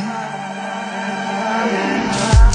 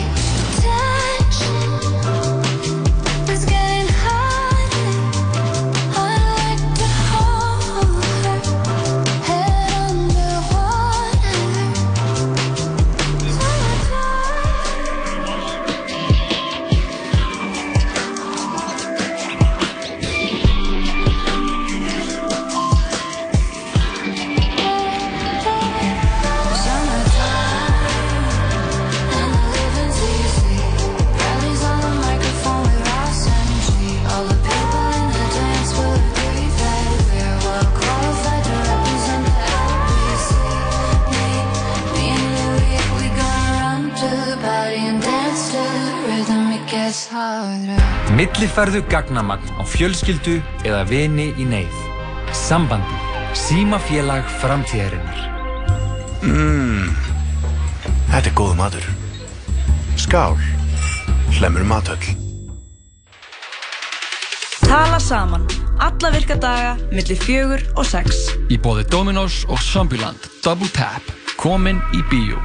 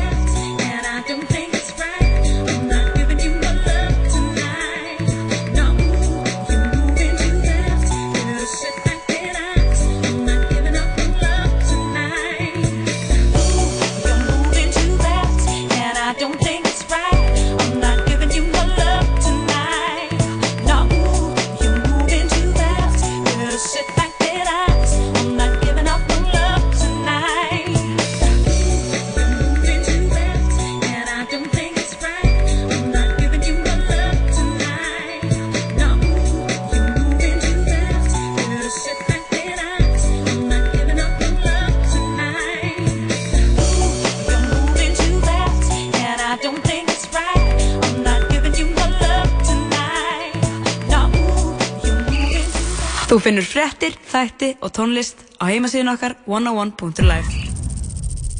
Ég hyrði lægvirkjan heilsa nýjum degi en ekki nætur galan syngja. Sjáðu á... Viti fyrir ekki það, hérna, er textin allur svona í leikritinu? Eh, nei, nei, þetta er nú ósköpunulegt leikrit sko, en þetta, þetta kemur svona á milli. Ah, ég skil. Shakespeare verður ástfangin. Sýnt í þjóðleikúsinu. Miðasala er í fullum gangi á leikúsið.is Já, já, já, sitðistátturinn tala saman í fullu fjöri ásum, fína og fallega mánundi. Haldi betur. Við Ingeborg erum kom, komlar með góða gesti inn í stúdióið, Kjartan og Magnús verið hjartanlega velkomnir. Já, takk fyrir það. Takk hella fyrir.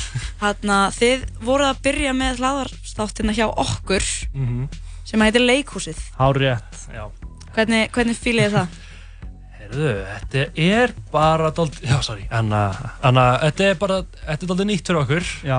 Að vera, við vorum mjög kjarnanum Mhm. og núna erum við komin til ykkar og, og erum núna í útvarpinu. Þetta er doldið... Þetta gerist alltaf svo hratt. gerist alltaf hratt. og bara Nei, það er bara ótrúlega gaman sko Þetta er bara hlaðvarpstáttur um bara leikhús Já. leikhús á Íslandi All, Við erum að fara á allar leiksýningar á Íslandi og tala um þær vikulega Já, eða svona ekki alveg, á nýjustu sýningar oftast. Já. Þú veist, Við tökum það fram fyrir heldur en hana, þessar gömlu sýningar sem svo var í fyrra eða eitthvað. Sko, einmitt, við, við erum að fara meðaldali einu sinni í viku í leikhús Já. og Ok. við forgangsröðum Já, við erum með smá hvernig við forgangsröðum Ok, hvaða ok. sýningar við förum á Við reynum að fara sem á allar, eða sem allra flestar Og þið bara, þetta er allur skalinn, er það ekki? Jú, barnaleikrit, um, erfi, eða svona leikrit sem er svona Hádramatísk Hádramatísk og Já, já. líka dálítið fyrir eldra fólk dálítið. Já, það er bara mjög mikið af svoleiðis Mjög leikhúsi mikið af auðvitað. svona leikhúsi og- Svolítið stór markaður. Og ég veit ekki, við hefum ekki ennþá eftir að finna leikrit sem er á okkar leveli mm, Ég já. er 21 árs maður. Já, áttum við 21 árs leikur Er, er gat, er það gat á markarum fyrir leiksýningu? Það er gat sko. Við erum búin að fara að leikra það sem eru krakkar að leika og búin að fara að leikra það sem eru, þú veist, gamalt, gamalt fólk. Já, svona eldra fólk að leika en Samt ekki endilega gamalt fólk að leika, bara fyrir gamalt fólk Já, jú, það er fullt af fólki okkar aldrei að leika, hvað er ég að segja? Nei. En strákar, þarna, eins og það segi, þá eru þeir svona ungir. Mm. Um, þeir eru ungir og, og flott strákar. Þarna, uh, hvað kom til að þið voru að, þú veist, gera hlaðvarp um leiksýningar? Voru þið miklir svona leiklistar unnendur fyrir Sko, eða leikhús unnendur? Já, það kom bara dálítið fyrir þannig að Magnús fer í LHI skilur mig dálítið eftir í skýtnum, hefur maður segjað það og, og ég bara fyrir að vinna og eitthvað. Og síðan er hann dálítið mikið að, ja, er það- ja, þú að byrja að tala um leikús og vera og vita dálítið mikið um þetta. Og, og ég veit vissi eiginlega ekki neitt um hvað hann var að tala um sko, eða hvernig, hvernig hann var að upplega þetta sko.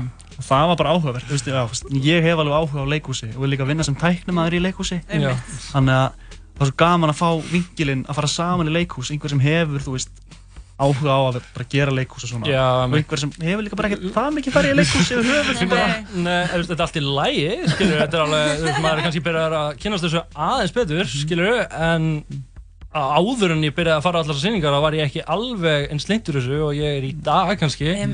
Og hef kannski pínu mér áhuga núna, bara aðeins meiri.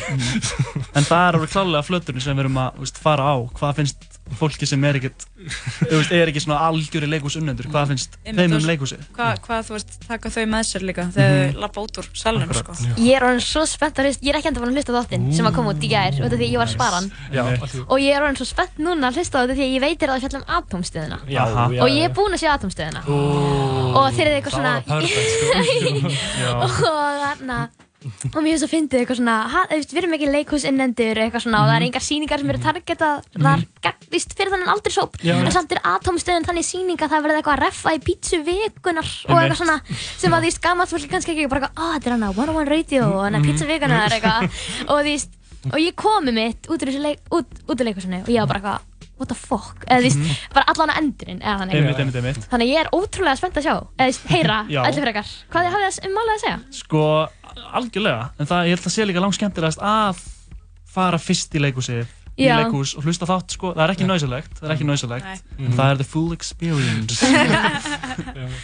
Ég er svo spenntur eftir áramót líka. Já. Þá er Ólafur að leika og Já. Ingvar E og eitthvað svona veist, Hollywood leikarar eitthvað. Svona elíðan. Já, einmitt, einmitt, einmitt, einmitt. Geggjað. En sko, ég er með forveitin, hérna, þú veist, þið segir, þú segir hérna hann hafi svona skilið eftir Í skítnum. um, í skýtnum bara all- allavega einhvers staðar skilið eftir hvernig, hvernig þekkist þið? Hvar, hvar kynnist þið fyrst? Og við erum, vorum saman í grunnskóla Á fyrsta bekk, sko. Já Í alvöru? Já. Við, Og hvað, hvar eru þið? Kópavogi Kópavogi Það er mér svo sko bara í alvöru, ég, veist, ég kom eftir hálfan fyrsta bekk í skólan, bjó annar Já. staðar Já. og ég bara Eftir, við, áttum, er, við, gátt, við vorum ekki vinir alveg fyrst það, þú varst svona kirkja fólk með trefla og eitthvað mann ég eftir Og, Já, ég kom úr öðru menningar En, einn, en, svo, svo fatt að, já, hann kirkir ekki bara fólk með trefla, skilur. Hann, er- Já. hann er fík gæi. Og þá erum við... Og þá erum við þá erum í fyrsta bekk. Já, já, þannig að... Þið er svona að lýsa bara öllum stráka vinasamböndum. Já, saman í fótbolta, já, já, allir bakki. Já, líka saman í fótbolta, rétt. Já, já. En strákar, mér langar að halda áfram að spjalla við ykkur. Við ætlum bara að fara að hlusta á eitt löglegt lag. Já. Mildtíðina. Þetta er Óskalag frá um, Björk sem að, já, er vön að stýra þessum sítiðistætti. Já, en hún er fjarrgóðu gamni í Katalóníu að klifra. Upp í, já, einhverjum klettum þar að... Að klifra í klettum. Klifra, hún bara, þú veist... Getur hún alveg- skriður, skríða Getur hún alveg hlusta á þáttinu á meðan? eða? Ég held hún sé ekki að hlusta, ég held hún sé bara að fokk í mér og var að senda mér á, á Instagram bara Nei, ég meina, "Magga maður, Óskalag." ég sagði aldrei að hún var að hlusta, ég sagði bara að. En þetta er lagið, um, eh, já, um mitt, Pienso en tu mira, þetta er cuando sale sonriendo para la calle, porque todos pueden ver. Los hoyuelitos que te salen. Y el aire cuando pasa, por levantarte el cabello, y el oro que te viste, por amarrarse a tu cuello, y el cielo de la luna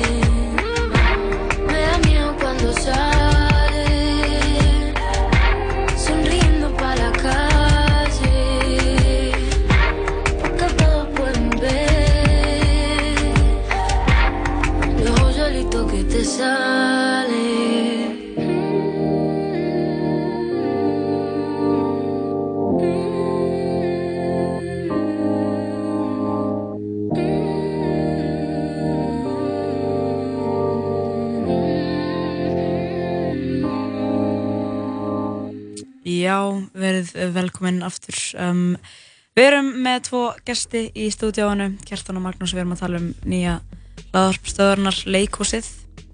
Það sem að þeir eru svona að fara og farið á leiksýningu og svo svona gerir þetta upp sýninguna. Já, algjörlega. Og eru þið, þú veist, er takið eftir því að þið eru með ólíkar skoðanir alltaf eða hvernig er þetta? Sko, það hefur komið kannski mér á óvart Mhm. hvað uh, við erum oft sammála. Einmitt. Eh, Nefnilega, þú veist, að því þú veist, hugmyndin af þættinum er hvað við komum úr ólíkum bakgrunni þegar kemur að einn eh, hafi meira á leikhúsi eitthvað svoleiðis, Mhm. en kemur á óvart, veist, þetta er kannski ekki endilega algilt, en við höfum oft verið svona mjög samtaka í hvað okkur finnst og kannski orða bara á öðruvísi hátt. Já, eða þetta er svona stundum, stundum sé ég eitthvað í leikritinu og Magnús eitthvað sástu ekki hvað það átt að þýða? Býtu, þetta átt að þýða þetta og þetta og þetta. Og ég bara, ski- ég bara, ha, nei, ég skildi það ekki. Ég skildi ekki, en mér finnst það flott sko. Já Nei, bara eins og þeir voru hana hvað, í ör, mástu þá voru, voru þið svona í taxa ég held að bara venlega taxaröð en þeir voru svona eins og þeir voru í svona, flug, hvað var það? Oddaflugi. Oddaflugi. Já. og ég tók ekki eftir en hann tók, það er svo glögt auga sko. Já, já, það var fullt af einhverju fugglareferensum út allt Ég sko, og svo kom þetta í lokin og það var svona, já, nú er ég oddaflugi að vinna saman eitthvað. Já, við, þetta er bara til dæmis sko. Til dæmis. Já. Fólk verður bara að hlusta að koma að staði. Algjörlega, nákvæmlega. hlusta þáttin um ör. Já.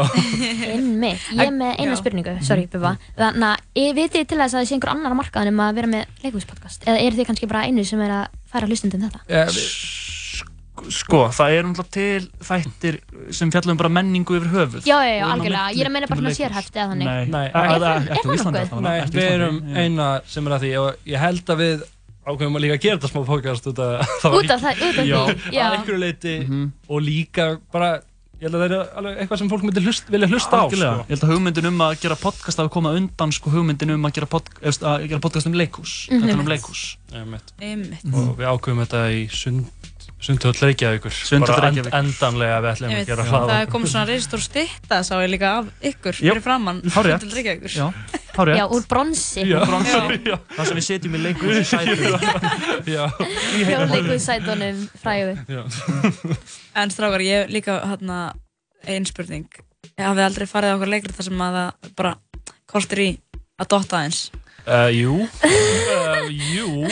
Uh, Ég nenni ekki að vera eitthvað Jú, ég er samt alveg að tala þetta um oft í podcastinu Já. Ég fór á, ég fór á Ríkard þriðja Já Og hann uh, Já, og við, við ég fer með þér, Magnús, og Nikolás í okkar Mhm. Og hann hann bara leikritið, sorry, ég er bara ekki minn minnst, þetta er ekki fyrir mig Já. sko, Mhm. og þetta er Ok. alltaf þungt og erfitt og ég skil alveg að fólk myndi elska þetta leikrit okkar Ok.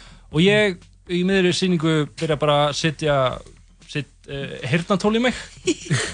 Og byrja bara að hlusta á Ella Grill. Og það bara gerir sýninguna miklu betri fyrir vikið sko En þú varst vakandi bara. já, já, Já, þú varst bara að sofa fyrir Já, jú, ég, so, jú, ég sopnaði fyrir hljóð, jú, það er rétt Til þess að halda það vakandi átt að hlusta á alla grill Já, já, já. Mér erum samt að taka fram að við vorum aftast í salnum Vorum Já. ekki að trubla neitt Nei. Ja, Mikilvægt. Það var ekki Magnús gerði þetta ekki, ég gerði Já, já, ok, já, Kjartan var ekki að trubla neitt Ma Magnús kom alltaf með svona auga bara, Við erum að horfa á Shakespeare Já. Ég vonandi, vonandi heyrir borgarleikus ekki að þessu. Já, En það get ekki allar sýningar verið góðar sko. Nei. Nei, Og þetta er líka bara svona mismunandi markhópur á hverju einni sýningu. Svo líka bara stundum maður bara þreyttur. Maður er kannski á okkur sýningu sem er alveg briljant en, Já, nákvæmlega. en þreytan tekur bara yfir og það er bara þannig. Já. Ó, Ég var einhvern tímann á okkur svona sýningu einmitt. og ég held ég hef bara verið of ung. Ég bara fattaði hann ekki. Mhm. þannig yngvar er bara aðleikarin og ég, þetta var, hann heiti eitthvað svona jeppi á fjalli. Og eitthvað svona og þú veist, amma mín átti auka með og ákvað bara að taka mig með bara svona, því að þú veist, hún átti auka með það skilur þetta var ekkert eitthvað svona, að Ingeborg hefði gaman að þessu. Og ég var bara, þú veist, allan tíman bara, ég skil ekki hvað er í gangi, eitthvað, þú veist og bara svona, það er alveg ótrúlega þú veist, ég skil þetta. Já, ég ég skil meina þig, þú líka situr bara í einhverju þægilegu eða stundum þægilegu stundum Kjartan hefur mjög sterkar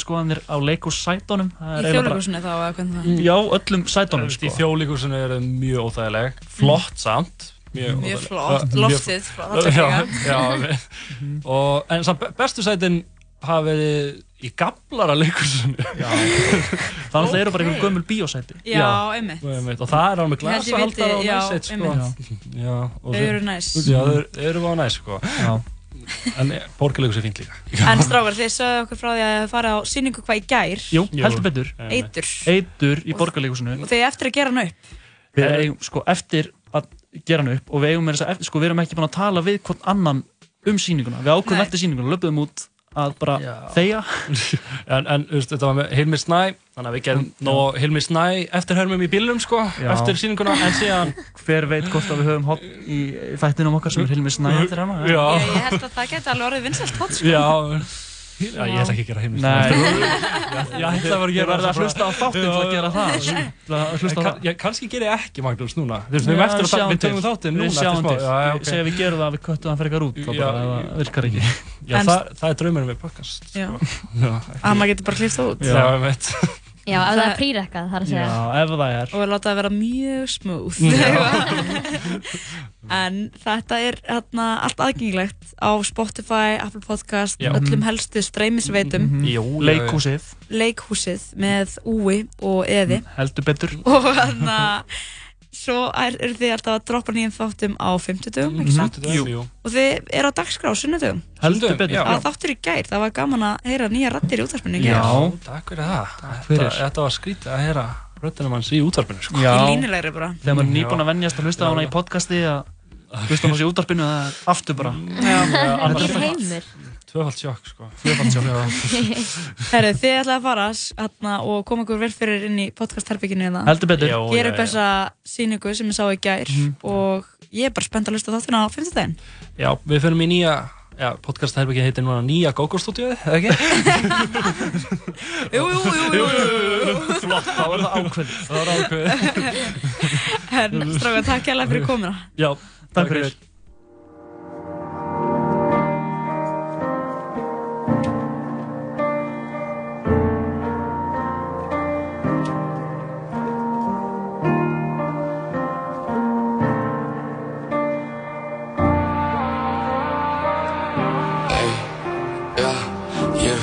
Hundru sinnum um þig Fastur inn í hausnum á mér.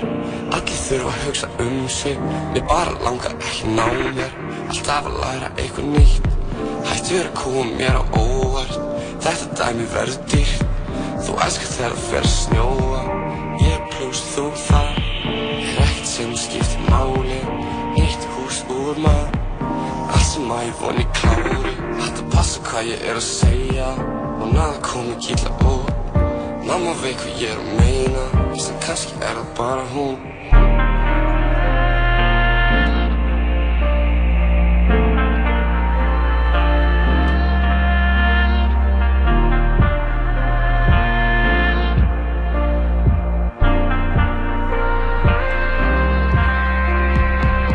Þið muni öruglega ekki fatta mig Allavega ekki til að byrja með Nóttin alltaf fyrir aftan mig. Þú finnur einhvern til að fylgja þér. Ég er einn ég er að fljóta. Flýtum að finna tilgang. Hlutinir sem hafa mótað Okkar þú veist hvað ég finn þá. Alltaf eitthvað, alltaf eitthvað, alltaf eitthvað Sem ég langar ekki vita. Þú veist að ég þarf að gera þetta Svona þó ég fái hita. Þetta verður aldrei eins. Þarf ekki að opna minni meira Veikur út í klukkan eitt Það hefur engin neitt að segja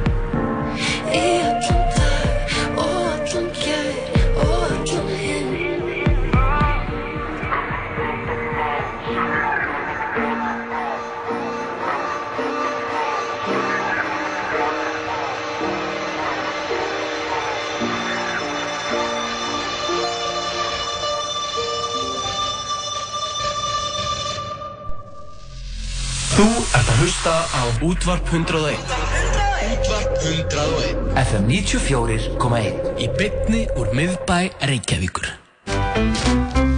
Þú verður að prófa El Gringo. American Style. American style. 14 stöðuvar og 7 sundlugar á aðeins 6.840 krónur á mánuði. World Class Við bökum kökurnar okkar á hverjum degi svo þú getur alltaf látið þær eftir. Sjáumst á Subway.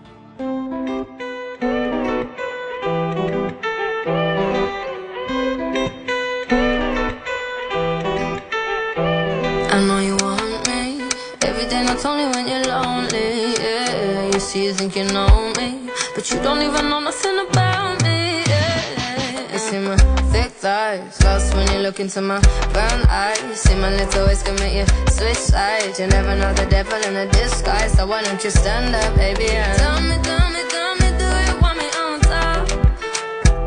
So let me show you, show you, show you. I don't need to back it up. Don't wanna hold you, mold you slow, just split you in half with my heart. I just wanna love on you, trust in you, honor you. Please do the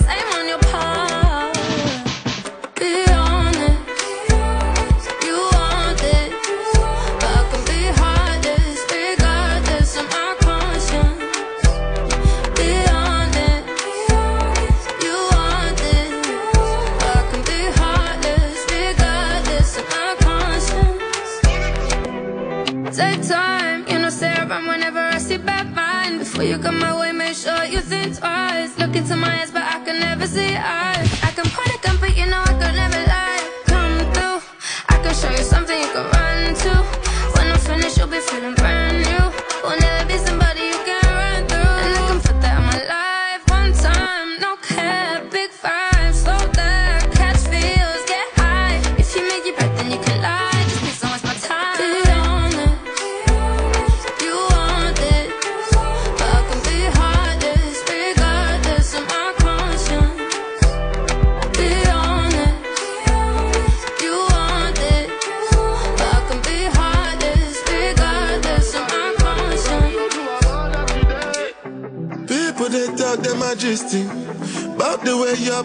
Body twisting Make me lose control in a this thing, boy. And it's happy cause I'm thinking of us. Don't go throw me Under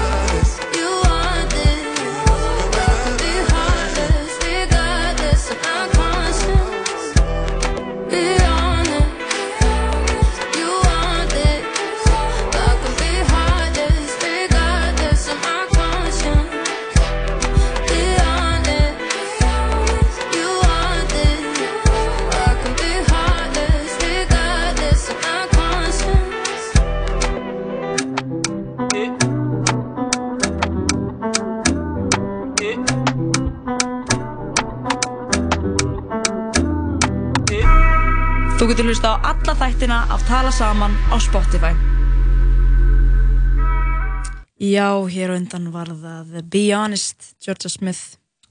Og Booma Boy eða eitthvað. Eða Burna Boy. En ekki. Og Banger Boy. I don't know. En allavega við heldum hér áfram, uh, Ingi Björk og Birna Mara með þér og við erum búin að hafa notalegt hér, já, síðustu mínúturnar. Já, það er bara ótrúlega mikill mánudagur í, í bændum, sko. Í bændum? Það, já, það, er- það er svolítið mán, mánar í mönnum. Já. Ég get alveg verið sammálaðir þar, svo sem. Það fyrir að síða og síður hluta hérna hjá okkur í Tala Saman. Já, við erum búin að bralla margt, margt skemmtilegt en uh, það er ímislegt sem við hefum órætt sko. Já, ímislegt. En eitt sem ég ætla að hérna, vera dætt inn á og ég sé hérna alveg út um allt, það er að á föstudaginn þá hefst allir geta dansað. Já. Og þetta er keppni sem að er haldinn hvað í annarskipti en á Íslandi. Einmi. Og er sínt á stöð 2, þessi þáttaröð. Já. Þar sem að margir svona, þú veist, frægir íslendingar eru búin að para sér saman við samkvæmistansara. Atvinni dansara, bara. Já. Já. Og uh, já, er að fara að taka ykkur spór, draga, eða þeim er ræða niður á, á alls konar hérna, dansa. Já. Og er svo að æfa, æfa fullu og fyrsti þátturinn er á föstudaginn. Og það verður spennandi að sjá hvað þetta verður, sko. Þetta var í fyrra. Að þá man ég bara að fólk var að koma manni sífælt á óvart. Já, ég horfði ekki á því fyrra. Ég ætla bara að vera algjörlega reynskilinn. Ég man bara, ég sá Guð, Jóhannu Guðrunu koma og dansa. Hún var bara geggjuð. Ég, sko, mann, ég bara sá eitthvað svona brot á Facebook og eitthvað. Þú veist, ég, var, ég er alveg með stöð 2. En ég Já. bara horfði bara, ég stöði bara, ég hitti eitthvað í lá eða eitthvað. Þetta, já, kannski hefur þetta verið kringum prófun, það gæti alveg verið En ég ætla algjörlega að fylgjast með þessu núna í ár. Já, já, þú veist, ég ætla allavega að líta á þetta því að mín kona Sola, Sola, hérna, Eiríks, Eiríks, verður þarna. já. Hún og Daði eru þar saman og byrja á einhverjum svona nautabana dansi. Geggjað. Sem er bara stuð, svo er Haffi Haff og það er, þú veist, hver var aftur meira þarna? Það er, Jón hérna, og... Jón Viðar og... Uh, uh, uh, hvað, hvað var það ekki? Var það ekki hana... Ég, vil- ég þór ekki að segja þetta upp átt nema... Vala Eiríks, hún er þarna líka. Já, og. Útvarpskona á uh, Og FNI hvað heitir 57. hann aftur? Já, Eh, nú veit ég ekki. hvað heitir hann aftur? Þannig En það er Haff og það er bara alls konar, fínt lið þarna. Utti blöð að kynna og bara Já. algjör pepperoni í visla, eins og við segjum hér. En sko yfir í aðeins svona leiðilegri fréttir, þá er í dag svo kallar svona, um, ég veit ekki hvort það tellist til þess að vera grárdagur, en allavega Mhm. að uh, það eru slæm loftgæði í Reykjavík Æ, þessa stundina og það, það gerist oft þegar það er svona rosalega kallt og rosalega kyrt eins og er akkurat í dag að uh, já, styrkur köpnunar uh, efnið díoxíðs NO2 er hárið Reykjavík í dag og þetta er sérst samkvæmt mælingum á mælistöðinu Grensansveg Já. en þetta hefur verið svona síðustu daga og var líka hátt í gær en þetta er sko núna mælt í 184 mikrogram á rúmmetra samkvæmt loftgæði.is og það er að fylgjast með þessu betur þar. En þetta, þú veist, þetta er bara við erum að tala um að þetta eru bílarnir hafa áhrif og þetta er einmitt svona á mótnana eftir middaginn þá bara keirað upp þessa, þessa tölu, það, því miður, svona er það bara. Þetta er ræðilegt, en ég ætla að gleða hlustundur með því að ég er búin að finna einu nokkra keppindur í Allir geta dansað ah. að, og na, það er Jón Viðar Arthorsson, eins og við myndumst á áðan og Yes. Eyvi, það er maðurinn sem ég var að hu- Já. hugsa um en ég var ekki með, ég var ætlaði að fara að segja Steppi en það, en það var Eyvi sem sagt og þannig að ég er ótrúlega spennt að sjá hann svo er Veigar Páll uh, hann er að þjálfa litla bróðum minn í fótbolta er hann bara Hann er, hann er fyrir landsliðsmaður í knattspyrnu, var Íslandsmeistari með stjórnun árið 2014 en hefur síðan spilað bæði með FH og Viking. Alright. Svo er það Haff, eins og við myndist á. Og svo einn sem við glemdum, Manuela Ósk. Já. Hún er náttúrulega fyrir föðuradrókning og samfélagsmiðla stjarna með meiru. Og já, hún er búin að vera haldutunum með sjúnuverskefna Já. og bara flott Ég- stelpa sko. Já. Og svo- Ég, hérna, hún var líka með gjáleik um daginn þar sem að maður gæti unnið í, í, hérna, að fyllingu í vöruna eitthvað svo leiðis. Ég, Ég- ég, ég veit ekki alveg hvað mér finnst um það. Nei, ég fylgist ekki með henni þannig ég get ekki tjá mig um það. Nei, en... um, það er bara flott hjá hann að taka þátt uh, Já, já, Ólafur Örn Ólafsson Já. matræðislu meistari og sjómarpsmaður en hann sá um þættina kokkaflakk sem Já, síndir voru í sjómarpi símans. Það, hérna, hann er meistari sko Hann er á geitin, hann er oft niður á tíu svopum. Já. Þar sem að tíu dropar voru einsinni. Þetta er hérna á laugaveginum niður í litlum kósi kjallara og það er rægt að já, fá sér gott glas og jafnvel eitthvað náttúruvín þar sem er já, gífurlega vinsælt þessa það er kannski, kannski New Wave næstu viku, hver veit? Ég held að við séum búin að vera með að tvistum sem New Wave. Ó, ok. En ég er hérna með, ég, ég sparaði síðustu, eða bestu, þangað til síðast. Og það er Regína Ósk. Emmi Við erum alltaf búin að minnast á Solu Og hún er alveg bara up there. Sola er mætt sko. En þarna Regína Ósk, Eurovision fari með meiru, hefur reynslega því að stíga á svið á sína listi sínar og me- meira í söng enn í dansi og hún og Freyri Gómar fór allaveg út í Eurovision árið 2008 Jú, með líf. This is my life. Og hún er bara algjör dundur kona. Já, ég er spennt að sjá hana. Hún hana, á staði hjörtu margra, sérstaklega svona, þú veist, kannski á okkar aldri sem að ég fylgdist mikið með henni þegar hún var um, Algjörlega. mikið að gera svona batnaefni og söngva, svona var með hérna söngskóla og dót og Einmitt. allt þetta dót og Já. maður bara eitthvað, þú veist, vildi verða Regina Ósk þegar maður varð stór, sko. Ég var alveg þar sko og ég söng allt og mig, mig langar pínu bara að byggja um óskalag með ekki nósk, ef það er í lagi Uh, það er bara í svo góðu lagi, hvað hérna... Þetta er lagi sem hún kefti einu sinni með það í undankefni Eurovision, það heitir Þér við hlið og þetta er svona ótrúlega rólegt en samt ótrúlega fallegt lag sem að kannski margir svona kannast við laglínuna. Þetta er á plötunni uh, í djúpum dal sem að koma þetta árið 2006 og uh, en komst ekki í aðalkefnina því miður. En þetta er hana síðasta lagi á plötunni. Og en ótrúlega fallegt lag, einhverja síður. Og ég er með það á kóðspililistunum mínum og þetta er bara svona ótrúlega fallegt og næst lag, eins og ég segi. Já, þetta er uh, Reykján Ósk lagið þér vil hlið óskalag frá Ingeborgu Yðu.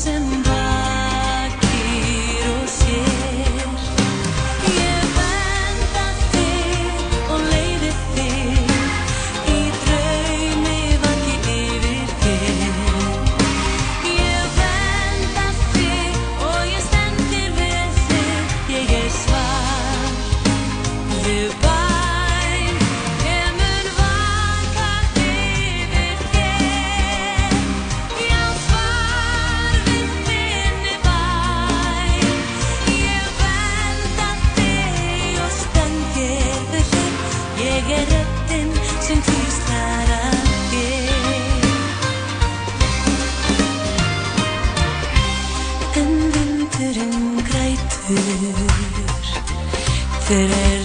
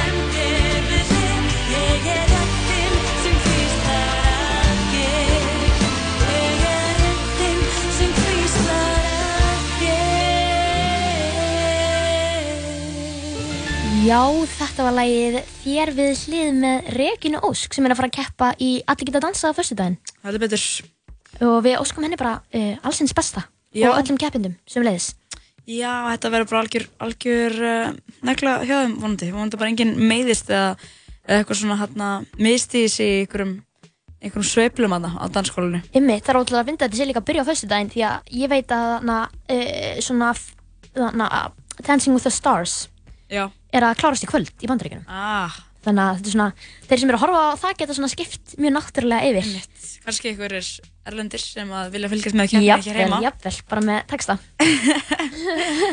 En við erum búin að gera ímislegt í dag. Við fengum til okkar góða gesti og upp á þáttar þá komið þær Arndís og Snædís við og voru að tala um ljóðakvöldið sem að, já, unglarhefing Amnesty stendur fyrir. Já. Það er á morgun fyrir áhersama. Á loftinu. Og, uh, já, á loft... Loft. Lofthostel. Lofthostel, fyrir ekki Þetta er á, í bankastrætinu Mhm. og uh, þarna koma, já, ung ljóðskáld og ætla að flytja ljóð. Já. Og svona til að heita upp fyrir það, þá er svona lifandi bókasafn og fyrir það sem ekki þekkja það konsept, þá er það bara svona það sem að í rauninni í stað fyrir að leita spurningum í bókum, þá getur þú bara að fara og tala við eitthvað sem situr við borð og oft er þetta eitthvað svona manneskjur sem að kannski búa yfir einhverjum einhverju visku, skilur, kannski sínum bransa eða eitthvað svo leis. Einmitt, og þetta lifandi bókasafn byrja klukkan 6 og um, ljóðakvöldið klukkan 8 mm Á rétt. Það var mjög gaman að fá þær og, og við hvetjum sömulegis alla til að fara inn á amnesty.is og skrifa undir. Þetta tekur enga stund og hægt að kynna sér öll tíu málinn þar inn á og þema þetta ári er svona ungt fólk og öll málinn tengjast fólki sem eru undir 25 ára. Einmitt, og það tekur enga stund að gera þetta, þetta er amnesty.is heldur betur en við fórum aðeins við fréttir, við vorum að tala um Uber og við erum búin að tala um ímislegt uh, Teslur, við erum búin að tala um Teslur og Uber og eiginlega bara bíla. bara bíla, nei, þannig að líka ræðilegt mál sem er að gerast núna í Breitlandi Já. sem að þarna, þar sem að 39 fundist, fundust látnir í flutningabíl. Jeps. voru koma nýjar uppfærslur úr því máli. Uh, en annars bara búin að vera léttið þáttur Léttu þáttur, við fengum Kjartan og Magnús til Magnús. okkar að tala um nýja hlaðarpi leikúsi og þeir eru núna búin að koma sér vel fyrir í næsta herbyggju og er að taka upp uh, nýjan þátt sem að kemur á fimmtudaginn en það eru komnir þó nokkru þættir út og hægt að finna þá inn á Spotify og Apple Podcast og þið þekkið allt saman Já. bara leitað Ekki flókið. þeir eru núna bara komnir í podcastherbyggi að taka upp næsta þátt og voru að fjalla um atómstöðuna í sísta þætti. Já, þeir eru að tala um eitur núna sem er síningi í borgarleikusinu og þeir, já, þurfa að gera hana upp. Það er bara svo leis. Já.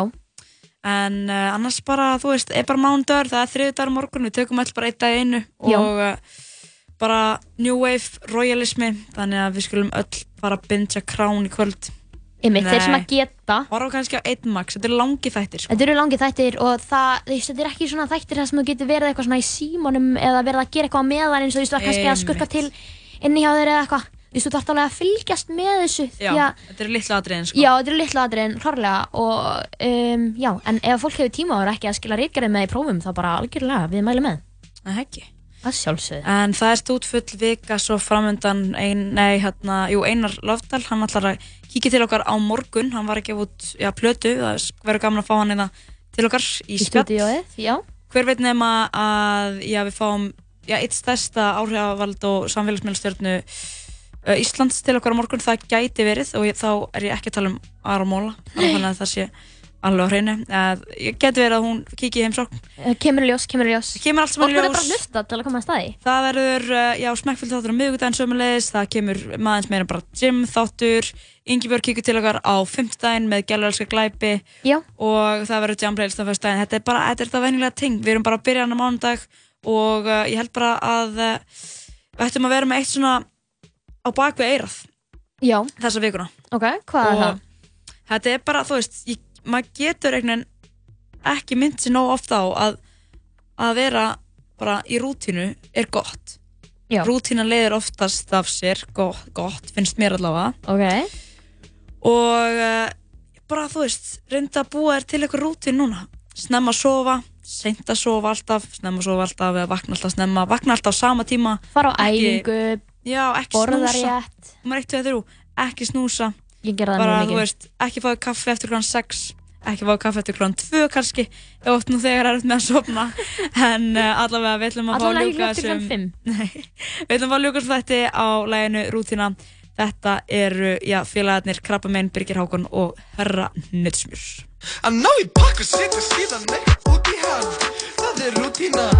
Að Það er rútína, það Að brjóta saman blað og blanda síka út í gras Það er rútína, það er rútína Að svo flottan rass og verða síðan sjúkin mann Og það er rútína, það er rútína Að fokka upp og þurfa að koma mér í mjúkin mann Það er rútína, það er rútína Ey Ég er að græða pening núna, það er rútínan Ekkert mikilvægt sem þú gerir núna í dag.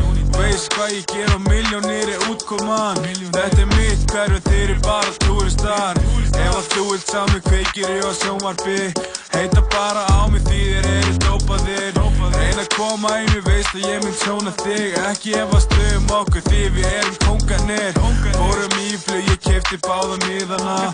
Var að gefa lit að prófa mínu strippara. Er þetta alvöru byrst að vilja vita það En vita ekki shit, þau verða að checka á Instagram. Gucci klútur sem að snertir ekki veski mitt. Ekki ykkur, ekki neitt, en þið eru erfiðir Ekki ángra mig, gæti verið hættilegt Og ekki spurning, ég ætla að deyja fyrir hverju mitt pakk og setja síðan eitthvað út í hann. Það er rútínan, það er rútínan Að brjóta saman blað og blanda síka út í gras Það er rútínan, það er rútínan Að svo flottan rass og verða síðan sjúkin mann Og það er rútínan, það er rútínan Að fokka upp og þurfa að koma mér í mjúkin mann Það er rútínan, það er rútínan Ey, þú veist að núna er sko ekki aftur snúi ha Að fokki bygg og þá er spilið bara búið maður Er bakandi að setja sigur út í allt Ég er með bygg og nett smjör,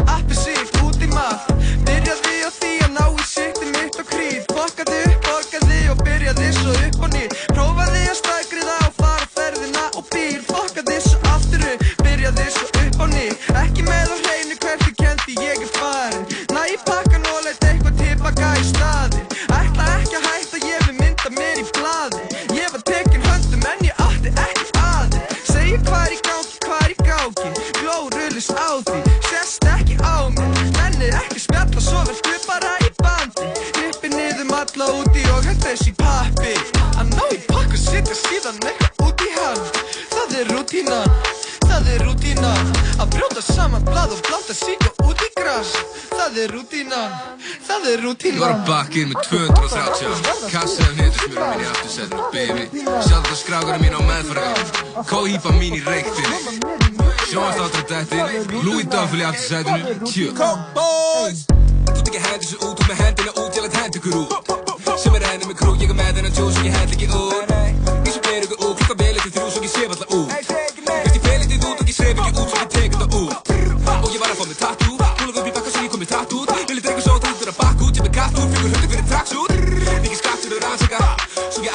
tala um hvað ég bókar alltaf hvað ég er að rukka ykkur upp á þinn eins og ég set ekki landsbóka Ég er bara en ég er merkið fyrir að tapa, við erum ekki komið setti Svo við setti, svo bara rappum undir teppi Stendi í engu, hygg með engum ef það endar ekki greiðslu Ég er í keiki og hættu basic, hvernig, hvernig, hvernig strengur Hvað er rútínan, nýlendur fara, fjú eitthvað vilja sleppa við útgjöld Læk byggast út eins og dútumar Hvað er umveruleg rútína, að vera alltaf á sama stað